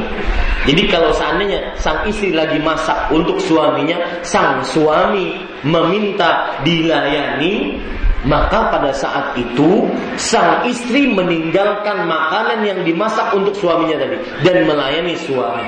Kenapa? Perhatikan, li'annahu da'aha fi hadhihi halah faqad radiya bi tilafi mali nafsih. Karena sang suami ketika mengajak istrinya dalam keadaan istrinya sedang memasak untuk makanannya, berarti sang suami sudah ridho makanannya itu akan hancur, akan mungkin jadi bubur, rotinya menjadi gosong. Kemudian beliau mengatakan ini perkara menarik. Ini Bu perhatikan. Watan fulmal ashalu min wuqu'iz fi zina hancurnya harta itu lebih ringan dibandingkan terperosoknya suami kepada perbuatan zina. Roti gosong lebih ringan dibandingkan sang suami mencari pos lain yang haram. Dibandingkan sang suami berzina. Karena kalau seandainya seorang suami memuncak hasratnya tidak bisa dilampiaskan, maka dia akan mencari tempat untuk melampiaskan hasrat tersebut. Ini bahayanya bu, kalau seandainya ibu tidak memperhatikan akan hak ini. Lebih baik kehilangan harta dibandingkan sang suami masuk ke terperosok ke dalam perbuatan zina. Ya, jadi kalau seandainya ibu sedang memasak, nah, maka ketika diajak oleh suami maka penuhi panggilan suami, tapi matikan dulu kompornya. Nanti kebakaran gimana? Matikan dulu kompornya. Ini para ikhwan yang dirahmati oleh Allah Subhanahu wa taala. Hadis berarti hadis ketiga kandungannya apa Ustaz? Kandungannya adalah seorang suami eh seorang istri wajib memenuhi panggilan istri eh, suaminya Karena di situ terdapat perintah dan asal hukum perintah wajib meskipun sedang membakar roti. Karena hal gosongnya roti lebih ringan dibandingkan terprosoknya suami kepada zina. Itu kandungannya. Ya, wajib istri mematuhi atau memenuhi panggilan suami karena di situ terdapat perintah Meskipun sang istri sedang menggosong eh, membakar roti, gosongnya roti lebih baik, lebih rendah, lebih ringan dibandingkan sang suami terprosok kepada perbuatan zina. Hadis yang keempat tentang hak ini, yaitu hadis yang diriwayatkan oleh Imam Ibnu Majah dari Abdullah bin Abi Aufa radhiyallahu anhu. Rasulullah sallallahu alaihi wasallam bersabda, "Walladzi nafsu Muhammadin biyadih, la tuaddi al-mar'atu haqqa rabbiha hatta tuaddi haqqa zawjiha, walau sa'alaha nafsuha ala nafsaha wa hiya ala qatab lam tamna'hu nafsah nafsuha." Artinya, Demi jiwa Muhammad yang berada di tangannya. Ini juga sumpah. Seorang istri tidaklah menunaikan hak robnya, hak Allah. Sampai dia menunaikan hak suaminya. Subhanallah. Ada keterkaitan antara hak Allah dengan hak suami. Tidak dikatakan seorang istri melakukan hak Allah sampai dia menunaikan hak suami. Jadi perhatikan, ibu-ibu yang sawamah, ahli puasa, qawwamah, ahli bangun malam, ahli baca Al-Quran, ahli berzikir, ahli nuntut ilmu, itu tidak akan bermanfaat kalau seandainya sang suami tidak ridho atas Anda. Kecuali sampai menunaikan hak sang suami. Bahkan kata Rasulullah SAW, walau sa'alaha nafsaha wa hiya ala. Kalau seandainya sang suami menginginkan dirinya, diri istri, dan sang istri di atas kotab. Apa arti kotab? Perhatikan baik-baik. Disebutkan di dalam kitab An-Nihayah fi Gharibil Athar, al-qatabu lil jamal kal ikaf li ghairi. Kotab artinya adalah seperti uh, apa kalau seorang naiki ontak di belakangnya itu ada apa? Pelana onta, pelana ya namanya. Pelana. Nah, meskipun sang istri di atas pelana onta, sang, saat itu sang suami ingin bergaul di atas itu, layani. Saya nggak tahu bentuknya. Layani. Ya, Lihat lagi penjelasan yang menarik. Itu tadi disebutkan di dalam kitab An-Nihayah fi Gharibil Athar. Lihat lagi di dalam kitab Hasyiah As-Sindi. Lihat قيل إن نساء العرب كنا إذا أردنا الولادة جلسنا على قطر ويقال إنه أسهل لخروج الولد فأراد تلك الحالة. كتا disebutkan دي آه كتاب حاشية السندي يعني ditulis oleh, السندي حاشية atas سنن ابن ماجه Perempuan-perempuan Arab kalau ingin melahirkan saya sampai sekarang belum terbetik di dalam hati saya alatnya ini bagaimana. Perempuan-perempuan Arab kalau seandainya ingin melahirkan dia duduk di atas kotak. Entah alatnya bagaimana. Kalau ingin melahirkan duduk di atas kotak agar mudah melahirkan. Kata Asindi di dalam kitab ini maksud daripada hadis tersebut adalah sang suami, eh tatkala sang istri dalam keadaan seperti itu ingin melahirkan anak, sang suami menginginkan dia, maka layani. Ayo. Ya. Subhanallah. Ini saking besarnya. Kenapa Pak? Karena kehilangan suami yang terperosok dalam zina lebih berat dibandingkan kita melayaninya. Meskipun makanya tak kalah kadang-kadang seperti rintihan suami tadi, dinginlah, capeklah, kemudian uh, apa namanya kemudian e, sakitlah dan semisalnya, maka bersabarlah akan hal itu. Sang suami nanti akan dinasehati. Kalau sang istri merasa capek, tidak enak badan, maka jangan dipaksa. Tetapi pada dasarnya sang istri harus melayaninya. Walau anak kata, walaupun dia sedang ingin melahirkan anaknya, subhanallah. Ini para yang dirahmati oleh Allah Subhanahu wa taala. Karena terperosoknya sang suami lebih ringan di ke dalam eh, eh, eh, apa namanya? Seorang suami melayani suami walaupun berat itu lebih ringan dibandingkan terperosoknya sang suami dalam perbuatan wallahu Sekarang para ikhwah yang dirahmati oleh Allah Subhanahu wa taala, kita masuk kepada hak istri. Tadi bagaimana seorang istri menjadi tercinta di hadapan suaminya.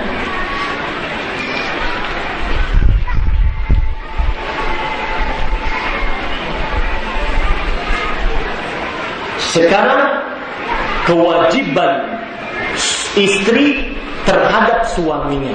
Menjadikan suami apa? Kewajiban suami terhadap istrinya. Menjadikan suami teladan bagi istrinya. Lelaki puja lelaki yang didamba lelaki yang bisa mengayomi lelaki yang dirindu suami yang dinantikan kedatangannya suami yang senantiasa dia selalu bersandar di belakangnya sang istri bersandar di belakangnya. Kapan bisa seperti itu? Maka perhatikan baik-baik pada ikhwah yang dirahmati oleh Allah Subhanahu wa taala akan hal ini. Yang pertama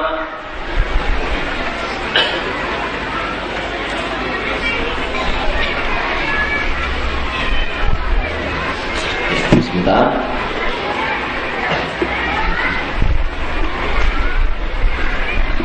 Yang pertama Dan ini hak istri paling utama Yaitu Menafkahi istri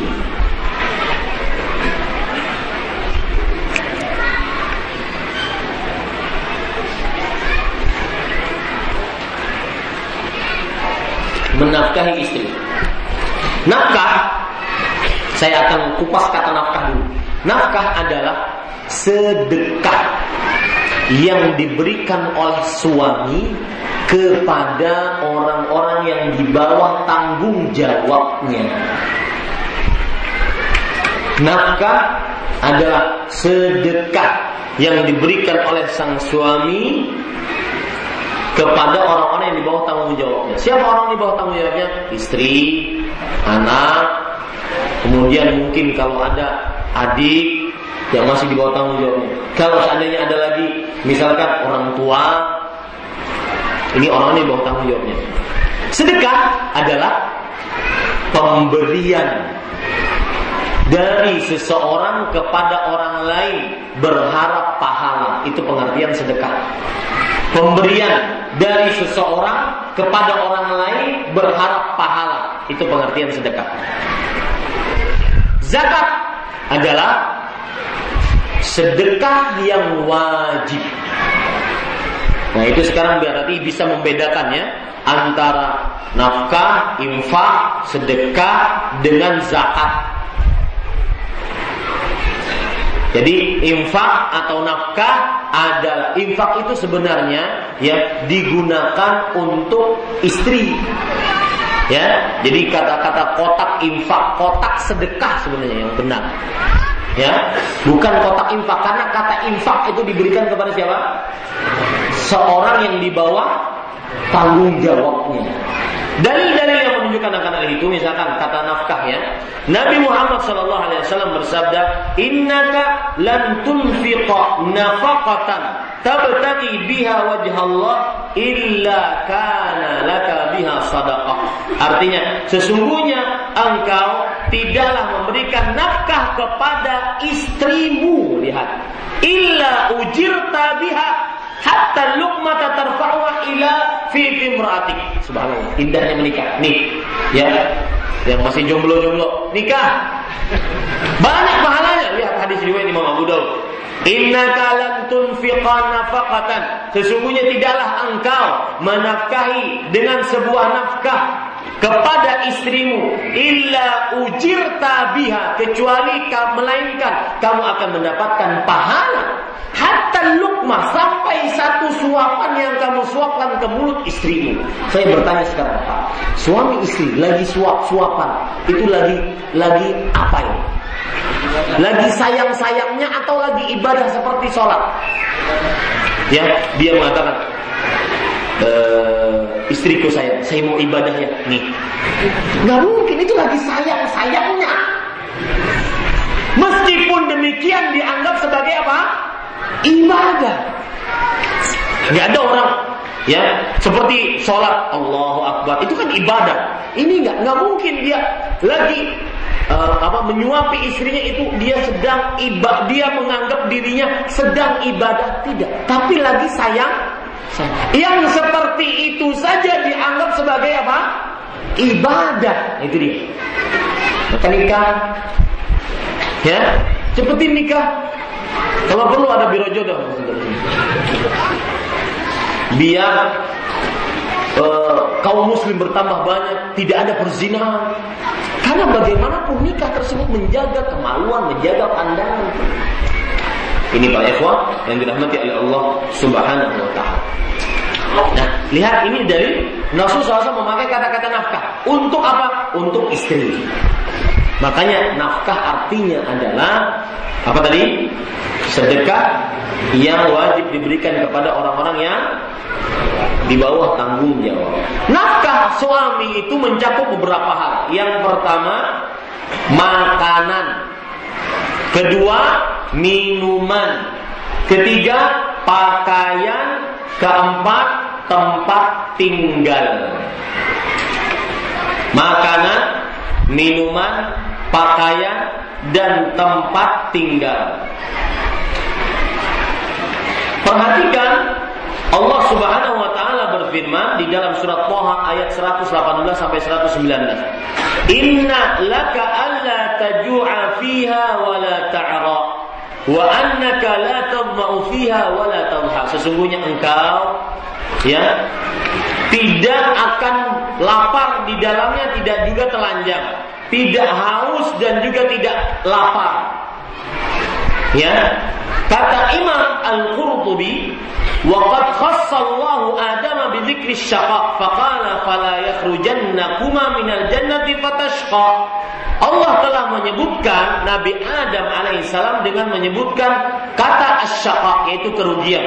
Janganlah kalian keluar berdua dari surga maka kalian akan sengsara. Ini menunjukkan kata Imam Al-Qurtubi, yu'allimuna anna nafaqata zauj ala zau nafaqata zauja ala zauj. Ayat ini surat Toha ayat 117 sampai 119 mengajari kita bahwa nafkah istri itu wajib diberikan oleh siapa? Suami. Ini para ikhwah yang dirahmati oleh Allah Subhanahu wa taala. Kemudian saya berpesan kepada suami. Tadi kan kita membicarakan istri, bagaimana istri sampai dicintai oleh suaminya. Sekarang bagaimana Anda wahai para suami diteladani, dihormati, didambakan, dirindukan, diwibawai, punya wibawa. Uh, sebelum saya sebutkan selanjutnya saya ingin cerita suatu ketika saya diundang di sebuah pengajian yang hadir semua kepala dinas di sebuah ke kepulauan di Indonesia. Kepala dinas dan ini program uh, provinsi, pemerintah provinsi yang jadi resmi. Semua kepala dinas harus hadir. Maka seorang ibu setelah saya memaparkan materi, seorang ibu bertanya, Ustaz, benar yang Ustaz katakan bahwa sang suami wajib memberikan nafkah meskipun sang istri kaya raya.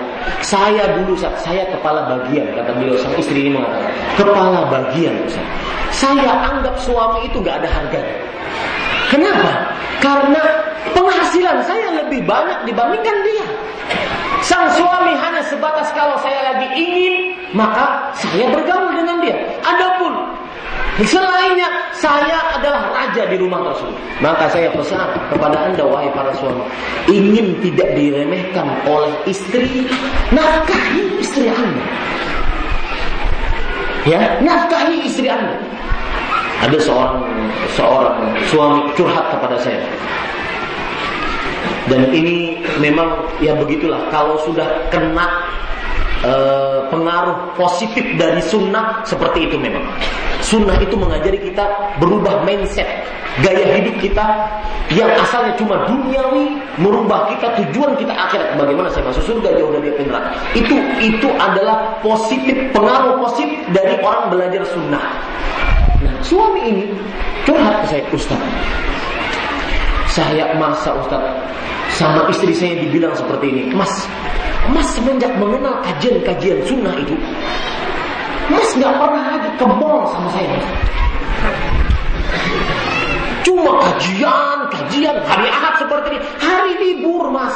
Mas sudah Senin dari Senin sampai Jumat itu kerja. Sabtu Ahad masa kita diajak ke ke majelis ilmu, ada istri-istri seperti itu. Enggak ada lagi yang kita enjoy-enjoy ke mall, kita makan bisa-bisa, makan, main-main. Mana mas itu enggak ada. Ini para ikhwan yang dirahmati. Kenapa? Karena sang suami sudah kena pengaruh positif sunnah yang tujuan orientasinya akhirat, dunia cuma sementara, sedangkan istrinya belum kena. Yang berkutat hanya hanya apa? Hanya dunia saja. Bahkan yang lebih parah lagi, ya Istri saya Ustaz sampai meneteskan air mata sang suami tersebut. Istri saya Ustaz berani-beraninya ketika saya tidur dia bilang kepada suami, kepada anaknya. Nah, ini sang istri bilang, "Nah, kamu mau handphone kan? Iya, saya akan belikan handphone terbagus. Tuh, bapakmu sedang tidur, potong jenggotnya. Wallahi ini ada lebih parah lagi, itu masih mending. Lagi tidur dipotong jenggotnya, masih agak sopan. Ini enggak. Ya, lagi sadar sang suami didorong oleh istrinya. Duduk kamu. Kemudian dipanggil, diambilkan gunting. Ini apa nih? Apa nih? Dipotong, Pak. Dan sang suami cuma kayak kerupuk dikena air. Subhanallah.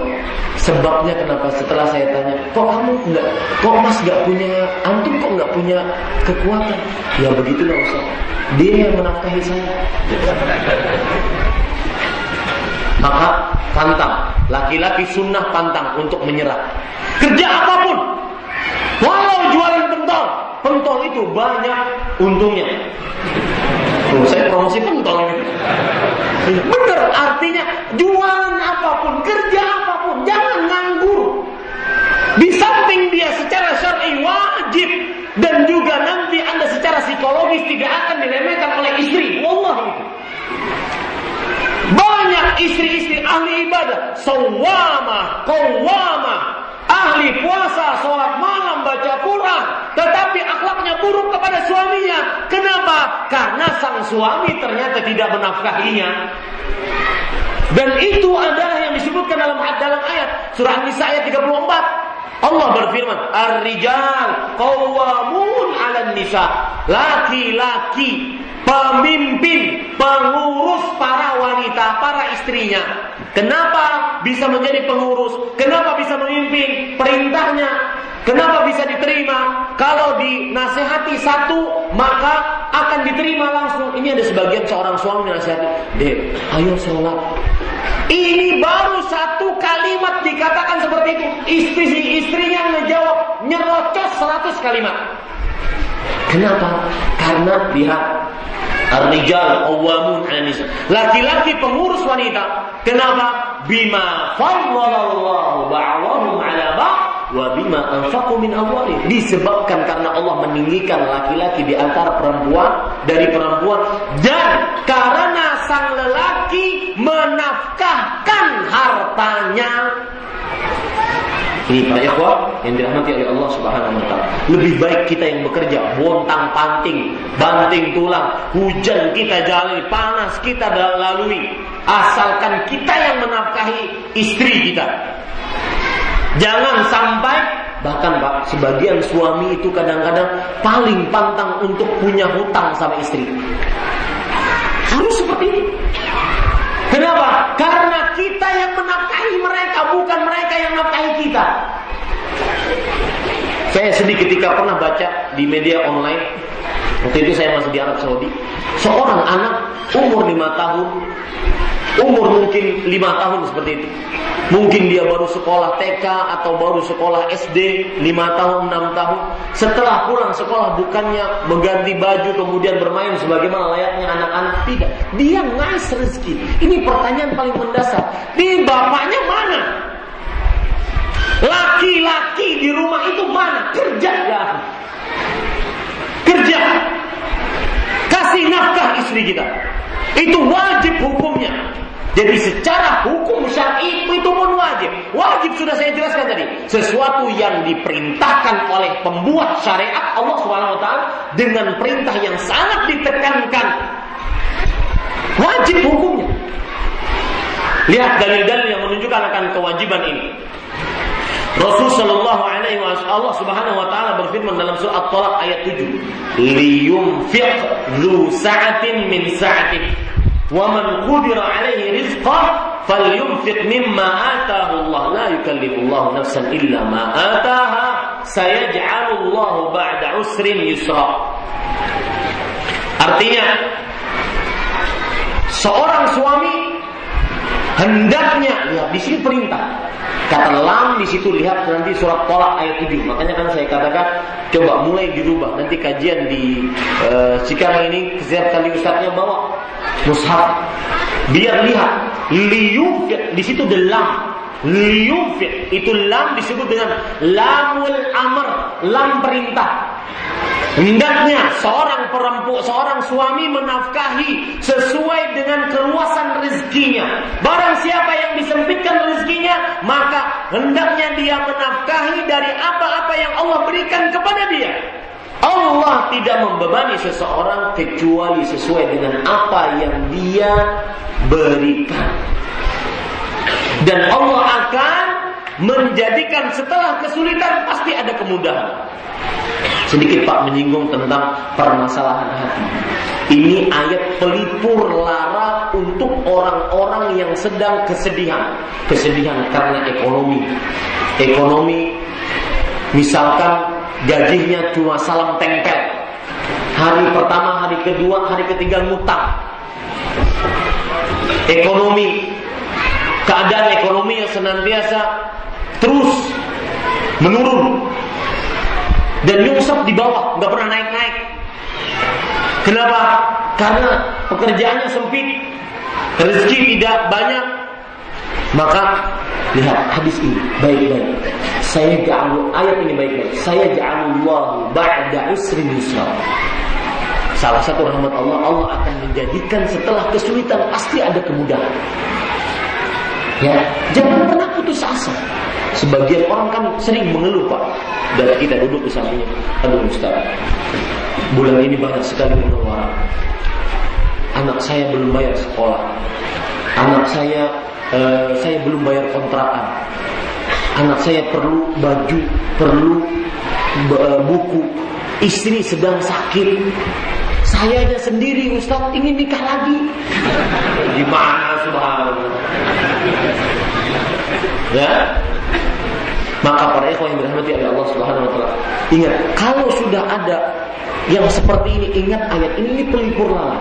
Allah pasti akan menjadikan setelah kesulitan pasti ada dan yang menarik dari ayat ini saya ja'alullah ba'da usri setiap kata dalam bahasa Arab baik di dalam Al-Qur'an ataupun hadis kalau ada tanwin usrin in an un kalau ada tanwin, makanya kan bawa mushaf nanti, ya. Yang panitia diingatkan itu, bawa mushaf setiap kali mengaji. Ada tanwin, maka menunjukkan kepada kata nakiroh. Nakiroh artinya adalah kata yang umum. Maksudnya apa Ustaz? Setel, maksudnya adalah Allah akan menjadikan setelah kesulitan apa pun bentuknya umum. Yusran, Yusran juga tanwin yang menunjukkan kepada keumuman. Artinya kemudahan dari arah yang dia tidak sangka-sangka. Ini pelipur lara Pak dalam hati. Setiap kali ada masalah, saya ya Allah Pasti Allah akan menjadikan setelah kesulitan pasti ada kemudahan. Itu janji. Saya mungkin Allah mungkin janji. Ya, orang berdoa ya Allah, ya Allah, berikan saya rezeki, berikan saya rezeki. Dua tahun dia berdoa, sudah lemah, turun, kemudian tidak berdoa lagi. Ketika ditanya, Mas pekerjaannya apa? Yang nganggur Ustaz. Kenapa nggak kerja? Sudah berdoa belum? Sudah Ustaz. Dua tahun saya berdoa Ustaz. Emang kenapa kalau dua tahun? Ya, kemudian pensiun doa gitu dua tahun? Nggak ada pensiun doa ya. Ya, tidak ada. Tetap berdoa kepada Allah Subhanahu. Kenapa? Karena kita meyakini saya ja'alul ba'da usri Allah akan menjadikan setelah kesulitan pasti ada kemudahan. Dalil yang lain yang menunjukkan wajibnya memberikan nafkah yaitu surat Al-Baqarah ayat 233. Allah Subhanahu wa taala berfirman, "Wa 'alal mauludi lahu rizquhunna wa kiswatuhunna bil ma'ruf." Artinya anak yang terlahir memiliki rezeki dan pakaian. Maksudnya wajib bagi orang tuanya memberikan pakaian dengan baik dan rezeki dengan baik. Begitu juga dalil yang lain surah At-Talaq ayat 6. Waktu sempit ya, saya cepat-cepat. Dalil yang lain ayat 6. Surah At-Talaq ayat 6. Allah Subhanahu wa taala berfirman, "Wa in kunna ulati hamlin fa anfiqu 'alaihinna hatta yadh'na hamlahunna." Artinya, jika seorang istri memiliki anak hamil dia kemudian melahirkan, maka anfiqu lihat perintah Nafkahilah atas mereka sampai mereka melahirkan anak-anak mereka. Itu dalil-dalil dari Al-Quran. Dalil-dalil dari hadis Rasul yang sudah saya sebutkan tadi. Yaitu awanun indakum. Istri kalian itu adalah tawanan di sisi kalian. Akadtumuhunna bi amanatillah. Kalian mengambil istri kalian dengan amanah Allah. Wastahlaltum furujahunna bi kalimatillah. Dan kalian menghalalkan kemaluan mereka dengan kalimat Allah Subhanahu wa taala. Kemudian Rasulullah SAW bersabda, Walahunna alaikum rizquhunna wa kiswatuhunna bil ma'ruf. Dan istri kalian wahai para suami memiliki hak atas kalian nafkah, pakaian itu wajib. Ya, atas kalian. Ini para ikhwan dirahmati oleh Allah Subhanahu wa taala. Kemudian hadis yang lain yang menunjukkan wajibnya memberikan nafkah kepada istri yaitu hadis dari Muawiyah ibnu Haidah radhiyallahu anhu. Rasul uh, beliau berkata, "Ya Rasulullah, ma haqqu zaujati ahadina alaih?" Wahai Rasul sallallahu alaihi wasallam, hak istri kita terhadap suami terhadap kita itu apa? Kata Rasul lihat, ini pelajaran menarik. Yaitu kata Rasul sallallahu alaihi wasallam, "An tut'imaha idza ta'imta." Artinya kamu memberikan makan kepada istrimu jika kamu makan. Sebagian ulama mengatakan bisa saja dimaklumi secara lahiriah hadis ini bahwa seorang suami yang menyediakan makan untuk istrinya. Jadi kalau bahasanya yang lebih vulgar, istri nggak usah masak. Nah, bu, tunggu aja bu. Ya, setiap hari suami bawakan masakan. Antum ta'imaha idza ta'imta. Jika sang suami makan, maka kasih makan. Nah, Ustaz, masak. Nanti kalau dimasakin beneran Ustaz pulang dari kajian ini. Maka jawabannya adalah dijelaskan oleh Imam Ibnu Utsaimin rahimahullah taala walahun mithlul ladzi alaihinna bil ma'ruf. Surah Al-Baqarah yaitu istri memiliki hak sebagaimana mereka mempunyai kewajiban dengan ma'ruf yaitu sesuai dengan kebiasaan. Kalau di Indonesia atau di beberapa daerah kebiasaannya sang istri yang memasak, maka pada saat itu istrilah yang memasak sesuai dengan ada kebiasaan. Ya, tetapi jika sang istri mengatakan, Mas, mohon maaf ya, hari ini capek, nggak bisa masak, itu hak dia. Hak dia. Beri masakan yang jadi. Ini Pak poin yang oleh Allah Subhanahu wa taala. Ya, itu yang bisa saya sampaikan. Masih banyak sebenarnya bagaimana istri bisa dicintai oleh suami, suami bisa dicintai oleh istrinya, ya. Di antara antaranya yang sudah saya sebutkan tadi. Terakhir Ibu, saya pesan kepada ibu-ibu di belakang. Dan ini agar membuat ibu dicintai oleh istri, oleh suami. Ya, perkataan Umar bin Khattab radhiyallahu anhu yaitu ar-rijal hubbun fi unufihi Lelaki itu cintanya itu di hidungnya. Apa maksudnya? Kalau sang suami mencium bau wangi, maka dia akan sangat tertarik. Hasratnya akan naik, syahwatnya memuncak. Contoh, sang suami menggandeng istrinya di pasar, di mall, lewat perempuan, belum terlihat wajahnya, cuma lewat perempuan dengan minyak wangi yang sangat wangi. Sang suami langsung, ha, ha, ha. padahal di samping istrinya tuh, di samping istrinya. Makanya perhatikan ibu-ibu, minyak wangi, perhatikan bau tubuh Anda. Ya, itu dasar yang merupakan kebanggaan Anda, pakaian nasional Anda di rumah. Itu kalau seandainya sudah mau diganti, dipakai di dapur ya iya, di kamar ya iya.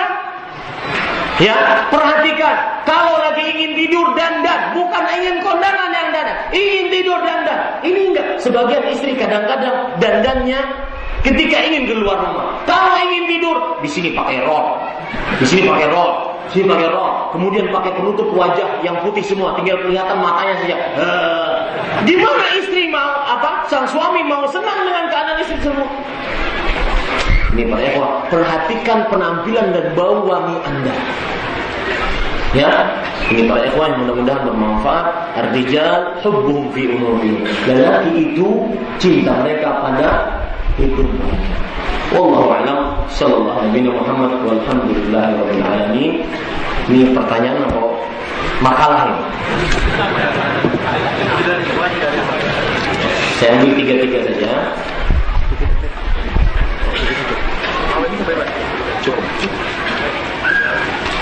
Baik. Saya ambil beberapa pertanyaan dari ikhwan dulu.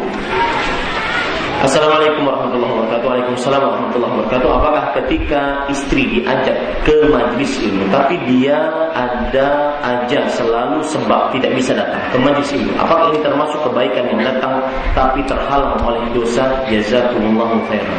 Apakah ini termasuk kebaikan yang datang tapi terhalang oleh dosa? Yang jelas begini, saya tidak terlalu paham uh, apa namanya pertanyaannya, tetapi yang jelas kalau ada seorang istri diajak selalu ada alasan untuk ke majelis ilmu tidak mau datang, maka perhatikan baik-baik. Uh, sang suami pada saat itu berhak untuk memaksa sang istri kecuali sang istri memiliki alasan yang syar'i misalkan sakit, misalkan menjenguk orang tua atau yang semisalnya. Akan tetapi jika tidak ada alasan maka dia berhak untuk memaksa suami istrinya karena dia diwajibkan oleh Allah untuk mengajari ilmu agama. Dalam surat Tahrim ayat 6 Allah berfirman ya ayyuhalladzina amanu anfusakum wa ahlikum wahai orang-orang yang beriman jagalah diri kalian dan keluarga kalian dari api neraka. Dan salah satu tafsiran menjaga keluarga dari api neraka adalah sebagaimana dijelaskan kalau tidak salah oleh Imam Qatadah atau Imam Ad-Dhahhak dalam tafsir Ibnu Katsir bahwa mengenalkan kepada istri tentang larangan tentang perintah dari dalam agama Islam. Maka itu kewajiban sang suami. Makanya tidak mengapa dipaksa tentunya jangan sampai terjadi kekerasan. Tidak mengasa untuk dipaksa kemudian diberikan pengertian agar sang istri mau menghadiri majlis ini. Wallahu Bagaimana hukumnya ketika suami memanggil istrinya dengan ibu atau umi? Begitu pula dengan seorang istri memanggil suami dengan ayah atau abi. Jazakallahu khairan barakallahu fiik. Maka jawabannya innamal a'malu binniyat. Amalan itu sesuai dengan niatnya. Ya, sesuai dengan niatnya. Uh, apabila kebiasaan di tempat tersebut misalkan seseorang dipanggil dengan ayah untuk panggilan suami, maka ini kebiasaan di tempat tersebut bisa jadi hukum karena kalau dia tidak berniat untuk dijadikan suaminya tersebut adalah ayah, maka tidak mengapa. Tetapi mungkin agar lebih keluar dari zona ini, maka misalkan panggilan panggilkan ayahnya fulan, uminya fulan, ya, atau panggil istriku, sayangku, ya atau panggil uh, suamiku atau apa pun ya seperti itu. Agar kita keluar dari zona pertanyaan-pertanyaan seperti ini. Tetapi secara umum kalau ada seorang uh, istri memanggil, ya sini ya, untuk tujuan dia memanggil suaminya dan itu sudah merupakan kebiasaan di adat setempat, maka jika sang istri memanggil itu tanpa tujuan menjadikan suaminya ayahnya, ini wallahu a'lam tidak apa Ketika istri selalu bermaksiat dan tak kunjung mendapatkan hidayah, bolehkah kita suami tidak menceraikannya walau berbagai usaha untuk menasihatinya belum juga berhasil? Maka jawabannya berusahalah. Jangan sampai opsi cerai selalu dijadikan opsi pertama. Karena ini perhatikan Kita itu diwajibkan oleh Allah untuk bermusuhan dengan iblis. Allah Subhanahu wa taala berfirman di dalam Al-Qur'an, "Inna syaitana lakum aduwwun fattakhidhuhu aduwwan." Sesungguhnya syaitan itu adalah lakum adu, musuh bagi kalian. Maka jadikanlah dia sebagai musuh. Hal ini sebagaimana yang disebutkan oleh Allah dalam surat Fatir ayat 6 harus bermusuhan dengan iblis syaitan. Nah, salah satu cara bermusuhan dengan iblis dan syaitan adalah tidak bercerai. Kenapa? Karena cerai adalah salah satu target operasi iblis. Dalam hadis riwayat Muslim, ketika ada seorang pasukan iblis mengadu, aku tidak tinggalkan lelaki itu kecuali aku telah pisahkan antara dia dengan istrinya. Kata iblis sambil memeluk pasukannya, ni'ma anta, engkau pasukanku yang paling hebat. Itu berarti kita sekarang menjadikan iblis syaitan senang dan itu bukan tipe orang yang bermusuhan. Tipe orang yang bermusuhan dengan iblis dan syaitan adalah menjadikan iblis menjadi menangis, lari terbirit-berit, sedih. Ya, seperti itu. Wallahu Maka jangan jadikan opsi cerai selalu menjadi yang pertama. Kalau masih bisa dinasihati, nasihati. Allah Bagaimana menasihati istri yang jika bicara kepada suami seperti preman pasar, selalu pakai nada tinggi? Maka jawabannya nasihati dengan baik-baik. Ya, dan ini juga nasihat kepada para istri. Allah berfirman dalam surat Al-Baqarah, "Walahunna mithlu alladhi 'alaihinna bil ma'ruf." Istri memiliki hak, tapi juga istri mempunyai kewajiban. Salah satu kewajiban istri adalah berlaku yang baik kepada suaminya melayani suaminya dengan baik. Tapi saya ingatkan kepada suami yang bertanya ini.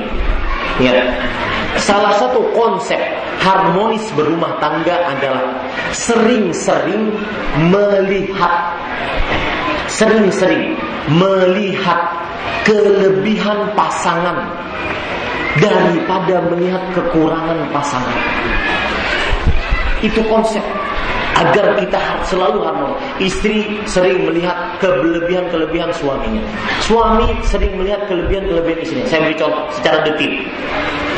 Misalkan sang, istri, eh, sang suami punya istri, istrinya ini kurang feminin, seperti tadi katanya kayak preman.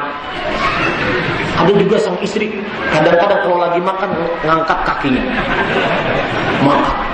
Ya, kemudian pakai gelas maunya gelas yang paling besar. Minumnya minum gaya-gaya ontak. Huruf huruf huruf huruf benar huruf kemudian lauk dihabisin semua. Suaminya bengong. Ya kata suami ini istriku orang hutan. Ah itu kekurangan istri. Ada mungkin kelebihannya. Di atas ranjang oke. okay. Gimana dong? Ya, dua. Yang kedua, dia sangat rapi mengurus rumah suaminya, bersih, rapi. Yang ketiga, anak-anak kalau ditanya, nah guru mengaji pertamamu siapa nak? Ibu saya. Anak-anak bisa mengaji bukan dari guru TPA, tapi dari ibunya. Itu kesalahan, kekurangan yang dimiliki oleh sang istri, tidak feminin, gaya-gaya preman, tapi dia memiliki kelebihan tiga. Tiga lawan satu menang mana Pak? Seperti itu. Selalu cari kelebihan-kelebihan yang dimiliki oleh siapa? Oleh istri. Begitu juga seorang istri cari kelebihan-kelebihan suami. Misalkan sang suami sukanya pelupa janji, iya besok deh kita akan jalan. Ternyata lupa. Hari ditunggu-tunggu lupa. Itu kelebihan, itu kekurangan dia. Kelebihan dia apa? Mungkin nafkahnya tidak pernah bakhil. Ya, yang kedua, dia senantiasa sangat penyayang terhadap istrinya. Ada suami, ada ada perempuan lain yang lewat, dia senantiasa menundukkan pandangan. Tapi setelah itu ditoleh. Sama ya, dia sangat menjaga pandangan, kemudian menjaga uh, kemaluan. Ya, dia sangat penyayang terhadap istrinya sangat romantis terhadap istrinya. Kelebihan itu diangkat dan mengurangi kekurangan, me, me, menghilangkan kekurangannya. Lihat hadis Rasul riwayat Imam Muslim. La yafruq mu'minun mu'minatan in kariha minha khuluqan radhiya minha akhar. Seorang suami yang beriman tidak mencela seorang istri yang beriman jika dia mem, me, membenci satu akhlak perbuatan istri, dia meridhoi, menyenangi akhlak-akhlak yang lain. Begitu juga disebutkan di dalam surat An-Nisa ayat 19 tadi, fa'asa an takrahu syai'an fayaj'alallahu fihi khairan katsiran. Begitukah ayatnya? Wa anshiruhunna bil ma'ruf. Saya takut salah. Uh, Artinya begini, dan ketika kamu membenci sesuatu dari istrimu, maka Allah Subhanahu wa taala menjadikan di dalam istrimu tersebut kebaikan-kebaikan yang banyak, maka angkat kebaikan istri dibandingkan Anda mengangkat kekurangannya. Suami istri juga begitu. Angkat kebaikan suami dibandingkan Anda mengangkat kekurangannya. Lihat, silakan lihat tadi surat An-Nisa ayat 19. Ya seperti itu ya. Saya ambil sekarang pertanyaan dari Ikhwan. Mohon nasihat untuk suami saya. Beliau sering sekali berfacebookan ria setiap saat di rumah. Ini penyakit memang. Ya, penyakitnya. Sehingga jarang sekali beliau bercengkrama dengan kami, istri dan anak-anaknya. Saya perhatikan lain sekali sifatnya dengan yang biasa tampak di rumah. Setiap ada masalah teman-teman di Facebooknya selalu komen dan memberikan solusi. Tetapi setiap saya berkeluh kesah tentang keluarga saya ataupun saudara-saudara saya, sebaliknya beliau kurang peduli dan sama sekali tidak mau campur tangan. Jazakallahu khair. Maka ini adalah penyakit seorang suami. Ini seperti yang saya sebutkan bahwa terjadi prioritas yang terbalik. Dan ini penyakit media sosial. Maka pada ikhwas sekalian tolong sediakan terutama di bulan Ramadan ya. Jangan Anda taruhan dengan Ramadan Anda dengan media sosial. Oh Ustaz, saya tetap akan pakai dan Ustaz, saya bisa untuk me mengatur jadwal saya. Kalau Anda lemah di situ, maka tinggalkan. Coba introspeksi diri. Masa istri sampai mengeluh seperti ini? Sediakan waktu ya dan bikin peraturan di rumah. Anda sebagai kepala keluarga sediakan waktu. Saya akan buka SMS buka Facebook buka media sosial. Yang mungkin orang sekarang susah untuk lepas memang dari itu. Susah karena kadang-kadang dia juga mendapatkan faedah dari situ tetapi dia atur waktunya. Ada waktu untuk membuka itu, ada waktu untuk bercengkrama dengan keluarga. Wallahi ini dan ini saya katakan ini pertanyaan bagus sekali. Kenapa? Karena ibu-ibu perhatikan agar bisa meluluhkan hati suami laki-laki itu tidak bisa ditantang. Dalam artian bagaimana? saya laki-laki saya bisa lebih baik daripada yang disangka oleh istri saya. Kecuali laki-laki yang cuma yang punya hati batu, dia tidak akan merasa dengan seperti itu. Rintihan seorang anak ingin bermain dengan dengan uh, dengan bapaknya. Pak, pak, sibuk, pak, pak, sibuk. Allah. Ya, akhirnya tidak harmonis keluarga. Maka para ikhwan yang dirahmati oleh Allah, Abu Darda radhiyallahu anhu, Abu Darda didatangi oleh Salman Al Farisi. Salman Al Farisi bersaudara hijrah bersama Abu Darda, yaitu disaudarakan oleh Nabi dengan Abu Darda. Makanya seperti saudara sendiri. Abu Darda didatangi mendatangi rumah uh, didatangi oleh Salman Al Farisi. Salman Al Farisi melihat istrinya Abu Darda kok tidak dandan, Kok tidak rapi, aut-autan? Kata sang, eh, Salman kepada istrinya, ada apa engkau wahai istri saudaraku? Tuh tanya saudaramu. Malam ibadah, malam bangun malam, siang puasa. Dia seakan-akan tidak menginginkan aku. Maka suatu malam Salman Al Farisi tidur, dibangunkan oleh Abu Darda. Enggak, saya mau tidur dulu. Dibangunkan kedua, tidak saya mau tidur dulu. Sepertiga malam terakhir baru bangun. Maka baru dinasihati oleh Salman Al Farisi radhiyallahu anhu, "Inna li nafsika 'alaika haqqan." Dirimu punya hak. Wa li zawjika wa li zawjatika 'alaika haqqan. Istrimu punya hak. Wa li rabbika 'alaika haqqan. Rabbu punya hak. Fa'ati kulla di hakim haqqah. Maka berikan setiap yang hak pada proporsinya masing-masing. Itu kalau rangka ibadah tidak boleh seperti itu. Bagaimana kalau cuma main-mainan? Ya, menghabiskan waktu dengan seperti ini. Wallahi Pak, penghabis waktu. Kalau tidak diatur, terutama bulan Ramadan. Anda jangan pernah masuk ke dalam hadis Rasul riwayat Imam Ibnu Huzaimah. Nabi Muhammad SAW bersabda, Atani Jibril waqal. Jibril mendatangiku, kemudian dia berkata, Man adraka Ramadan falam yughfar lahu fadakhala an-nar fa'abadahu Allah. Qul amin. Wahai Muhammad, barang siapa yang mendapati bulan Ramadan tidak diampuni dosanya, dijauhkan dari api neraka, dimasuk eh, dijauhkan dari surga, dimasukkan ke dalam neraka, maka wahai Muhammad, ucapkan amin. Maka fakultu amin. Lalu aku pun mengucapkan amin. Ya Allah kabulkanlah. Doanya yang berdoa Jibril diamini oleh Nabi Muhammad SAW. Berarti ada orang masuk dalam bulan Ramadan tidak diampuni. Dan itu banyak. Dan na'udzubillah mudah-mudahan bukan kita. Hati-hati. Jangan taruhan dengan Ramadan Anda dengan gadget Anda. Sayang Pak, mungkin ini Ramadan terakhir Anda. Saya jadi ingat ibu saya bulan Ramadan tahun kemarin 30 hari benar-benar maksimal saya berteman berkawan dengan ibu saya untuk menemani beliau Ramadan sebulan itu seumur hidup saya Selainnya mungkin cuma 10 hari karena di pondok pesantren. Selainnya mungkin cuma uh, jauh karena saya harus kuliah, harus jauh. Cuma satu kali itu sebulan. Ternyata itu Ramadan beliau terakhir. Siapa tahu Pak, ini Ramadan kita terakhir. Siapa yang bisa menjamin? Maka perhatikan waktunya baik. Jangan jangan sampai Anda taruhan Ramadan Anda dengan gadget Anda. Sayang waktunya. Ya. Kalau perlu dan tidak ada yang nyari Anda kalau seandainya Anda putus Facebook, nggak ada. Putus Twitter, putus WhatsApp, nggak ada. Presiden aja nggak sesibuk Anda, subhanallah. Ya. Lanjut para ikhwan yang dirahmati oleh Allah Subhanahu wa taala. Wallahu a'lam. Ini nasihat untuk para suami, terimalah nasihat ini. Nasihat itu artinya apa? Iradatul khairi lil mansuhi.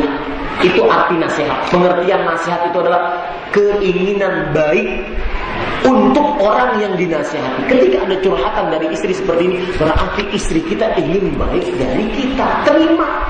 Jangan ngeyel dari keba dari keba dari, jangan ngeyel dalam kebatilan. Wallahu a'lam.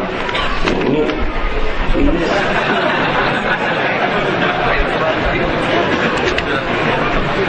Saya sebagai istri sangat sedih melihat uh, bedanya perempuan dengan laki-laki begitu.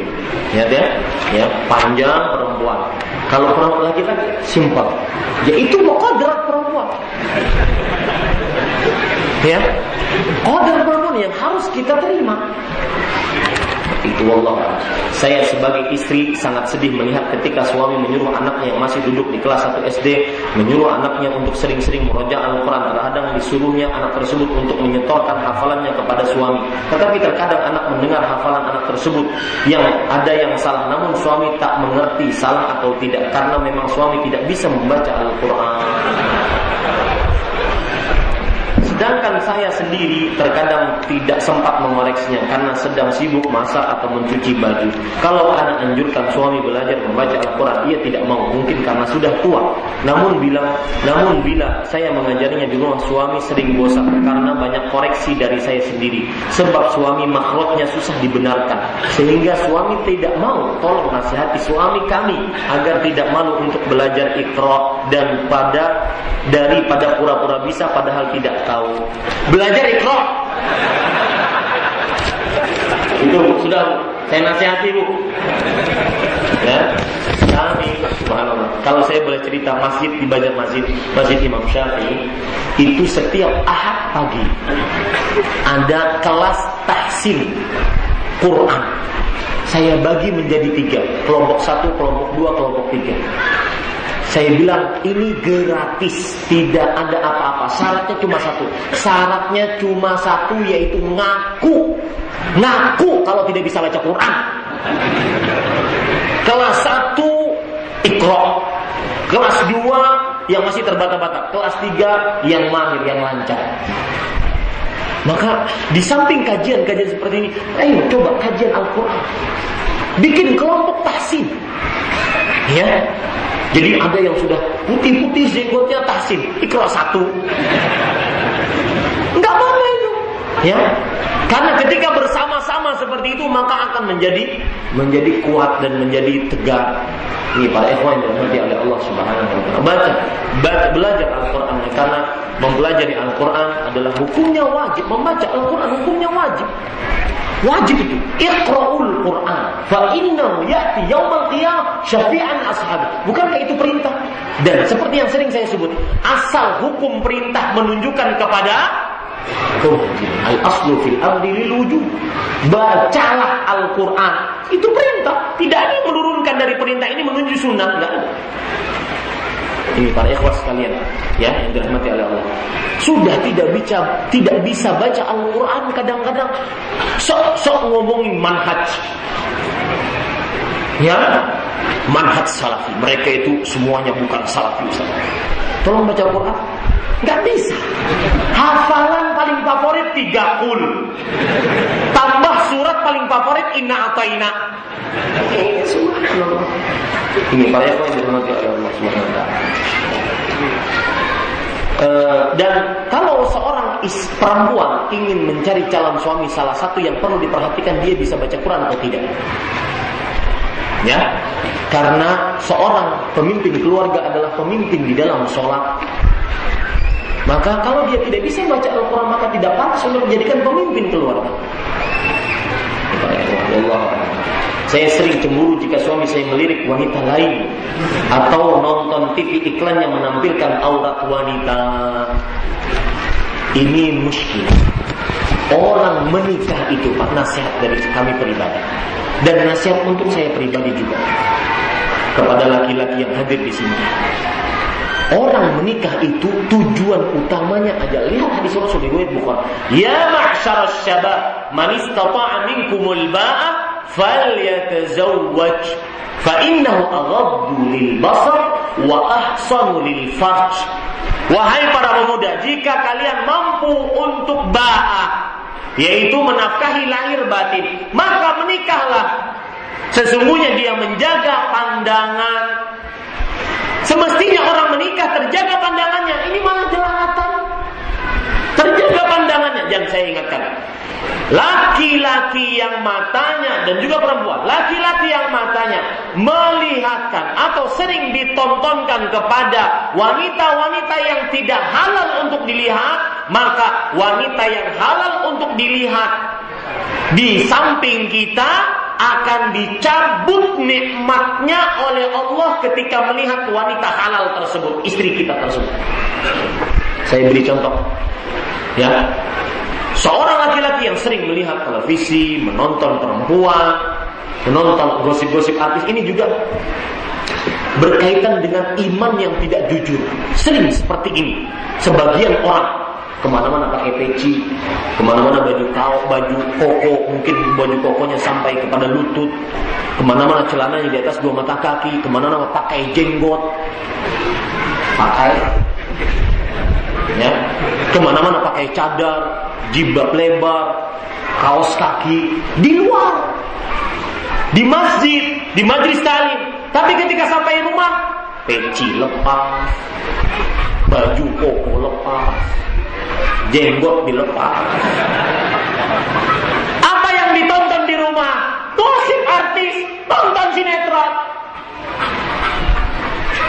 Iman yang tidak jujur. Dan ini penghapus dosa. Maka para ikhwan yang dirahmati Allah, ketika mata dilihatkan kepada eh, wanita-wanita uh, cantik yang buka aurat, jelas indah. Kenapa indah? Dia itu sekali ngambil sin, satu kali melakukan misalkan sinetron, gerakan satu kali, itu ada yang menyeka peluhnya, ada yang memakaikan rambut uh, bulu rambutnya, ya bulu rambutnya yang samudera nusantara itu 5 juta. Bagaimana tidak cantik? Ke salon. 5 jutaan, 10 jutaan, bagaimana nggak cantik?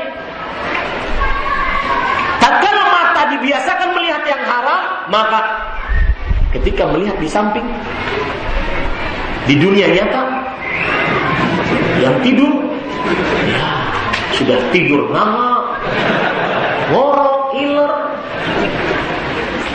Ya subhanallah. Jadi dicabut dicabut nikmat melihat yang halal Ya Allah Kira-kira cukup. Kuis. Kuis tiga. Saya ingin bertanya, siapa datang siapa orang yang paling jauh datang ke sini? Dari mana? Cikarang Timur, jauh kan? Cikampek, Jauh, ada yang lebih jauh dari dia? Saya Banjarmasin.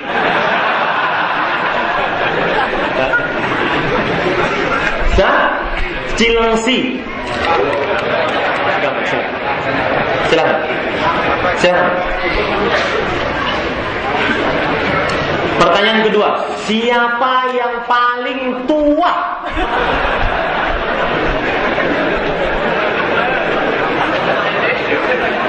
Hah? Berapa umurnya? 35. Yang 70 angkat tangan. Ada 70? Ada? Berapa Pak? 59. Ada yang lebih dari 59? Ibu-ibu ada 70 Bu?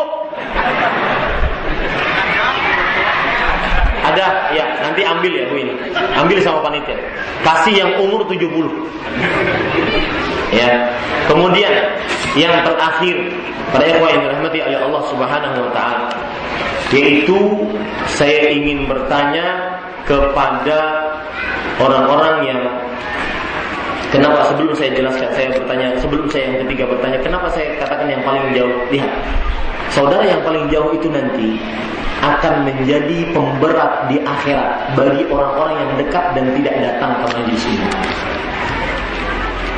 Orang yang paling tua akan menjadi pemberat di akhirat nanti di hari kiamat untuk orang-orang yang masih muda, yang sehat badan tapi tidak beribadah kepada Allah.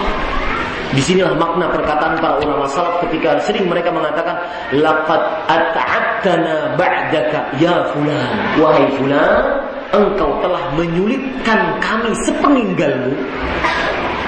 Beda seorang yang berusaha untuk datang di majelis ilmu. Dia mungkin meninggalkan pekerjaan, mungkin naik bus, naik angkot beberapa kali baru sampai sini dengan orang yang naik mobil satu kali gas sampai. Beda, Pak. Ya, saya pernah di Masjid Nabawi, seseorang di samping saya sholat. Orangnya tua renta, mungkin umurnya 90-an. Tapi subhanallah, sholat tidak mau duduk. Orang yang mungkin dari Pakistan atau India. Kemudian ketika bangun beliau menyolek saya. Beliau pakai bahasa Urdu yang penting bukan nehihe nehihe bukan. Tapi saya paham maksudnya. Maksudnya apa? Kalau imam takbiratul ihram maka colek saya biar bisa takbiratul ihram. Kalau imam uh, ruku colek saya. Kalau imam begini colek saya. Sebabnya kenapa? Karena pendengarannya lemah, matanya rabun dalam hati saya subhanallah orang ini pemberat. Itu itu cerita di masjid Nabawi sab pertama. Bukan sembarang masjid masjid Nabawi yang penuh orang gitu. Sab pertama. Itu menjadi pemberat nanti pada hari kiamat orang-orang yang sehat mana? Jamaahnya orang-orang yang sehat mana nuntut ilmunya? Orang-orang yang masih muda mana nuntut ilmunya dan ini makna dari sabda Rasul sallallahu alaihi wasallam, "La tazulu qadama 'abdin yawmal qiyamah hatta yus'ala an 'umrihi Tidak akan bergeser kedua telapak kaki seorang hamba sampai hari kiamat sampai dia ditanya tentang umurnya dia habiskan untuk apa. Ini para ikhwah yang dirahmati Allah. Terakhir, saya ingin bertanya siapa yang baru pertama kali datang ke masjid ini? Masjid ini baru pertama kali? Ya, Ini ada ada taman yang belum Pertama. Barakallahu. Ya, Bapak Ibu saudara-saudari yang dimuliakan oleh Allah Subhanahu wa taala, Tambahan saya hanya ingin Bu ini bagus nih CD-nya Ustaz Yazid Allah Ta'ala Cinta Rasul Tambahan saya ini ingin menyebutkan karena judulnya adalah konsekuensi cinta Rasul Shallallahu Alaihi Wasallam. Saya ingin mengambil pertanyaan dari CD ini, dari judul ini. Apa tanda orang yang cinta Rasul. Sebutkan dua. Ya. Apa? Membenarkan perkataan Rasul Shallallahu Alaihi Wasallam. Menjauhi larangannya dan mengerjakan perintahnya. Dan yang kedua yaitu saya ingin bertanya, siapa yang ingin bertanya? Ya, Pak Dokter. Tadi yang saya sampaikan, wanita di Jazirah Arab apabila ingin melahirkan, mereka duduk di sebuah kota. Dan ternyata itu sesuai dengan teori tujuannya adalah supaya mereka melahirkan. Dan ternyata itu sesuai dan pas dengan teori kedokteran apabila mungkin pasien saya banyak yang berkonsultasi kok maksudnya ini kata dokter akan saya tapi saya bilang Bismillah kalau ibu bisa normal caranya gimana dok ibu dengan suami harus sebelum melahirkan tiap hari sebelum melahirkan melakukan hubungan dengan suami jadi supaya melatih otot-otot kontraksi vaginal supaya itu normal ternyata alhamdulillah itu teruji dan yang kedua kita sadar ibu harus banyak sujud karena saat kita sujud adalah saat bapak juga seperti saya nasihat karena saat kita sujud saat dekat kita dengan Allah Jalla Jalaluhu itulah saat kita ya Allah Allah memohon kepada Engkau untuk dalam hati agar itu melahirkan dengan normal jadi supaya dokter kandungannya batal atau sujud supaya melahirkan normal alhamdulillah itu kunci banyak sukses Iya. Mungkin ibu-ibu tidak mendengar, saya akan menambah, saya akan menyebutkan, mengulangi apa yang disebutkan oleh Pak Dokter tadi. Pak Dokter ini kawan saya karena Allah Subhanahu Wa Taala. Uh, beliau menjelaskan bahwasanya ketika tadi kita menjelaskan seorang perempuan, beliau uh, bersetubuh, uh, beliau mengajak is, is, seorang suami mengajak istrinya di walaupun di atas kotak, kotak di sini salah satu tafsirannya adalah tatkala mau melahirkan.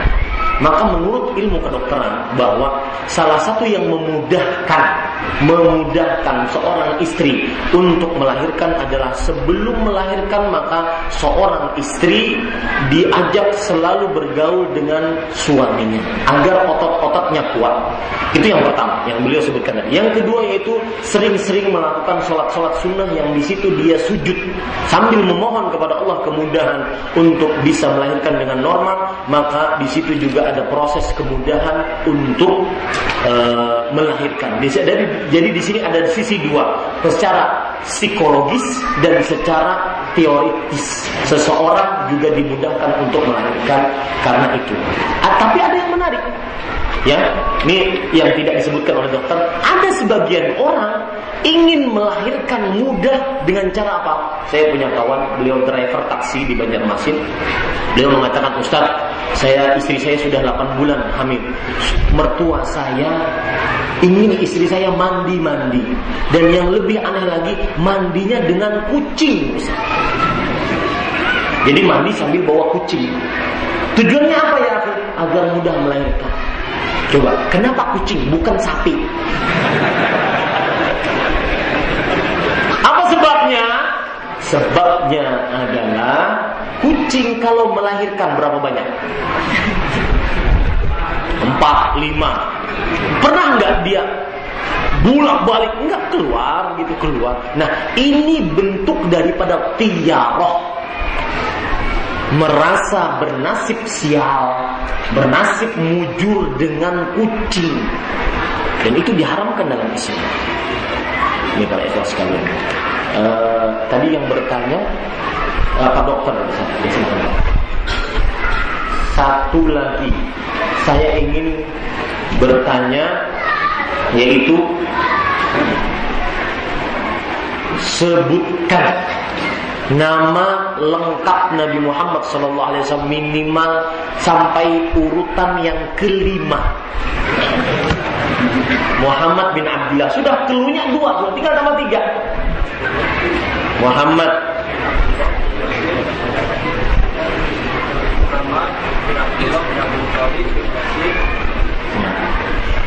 Ada yang tahu? Ada yang tahu? Jalan.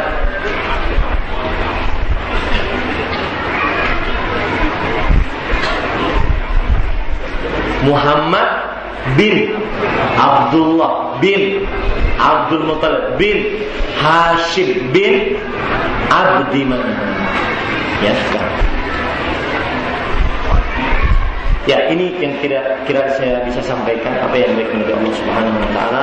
Saya cukupkan dengan kafaratul majlis dan sebelum saya uh, menyebutkan kafaratul majlis saya ingin mengucapkan bahwa semoga kita bisa bertemu dalam kajian-kajian yang lain dan kalau seandainya tidak bisa bertemu di dunia maka saya ucapkan sampai jumpa di surganya Allah Subhanahu wa taala.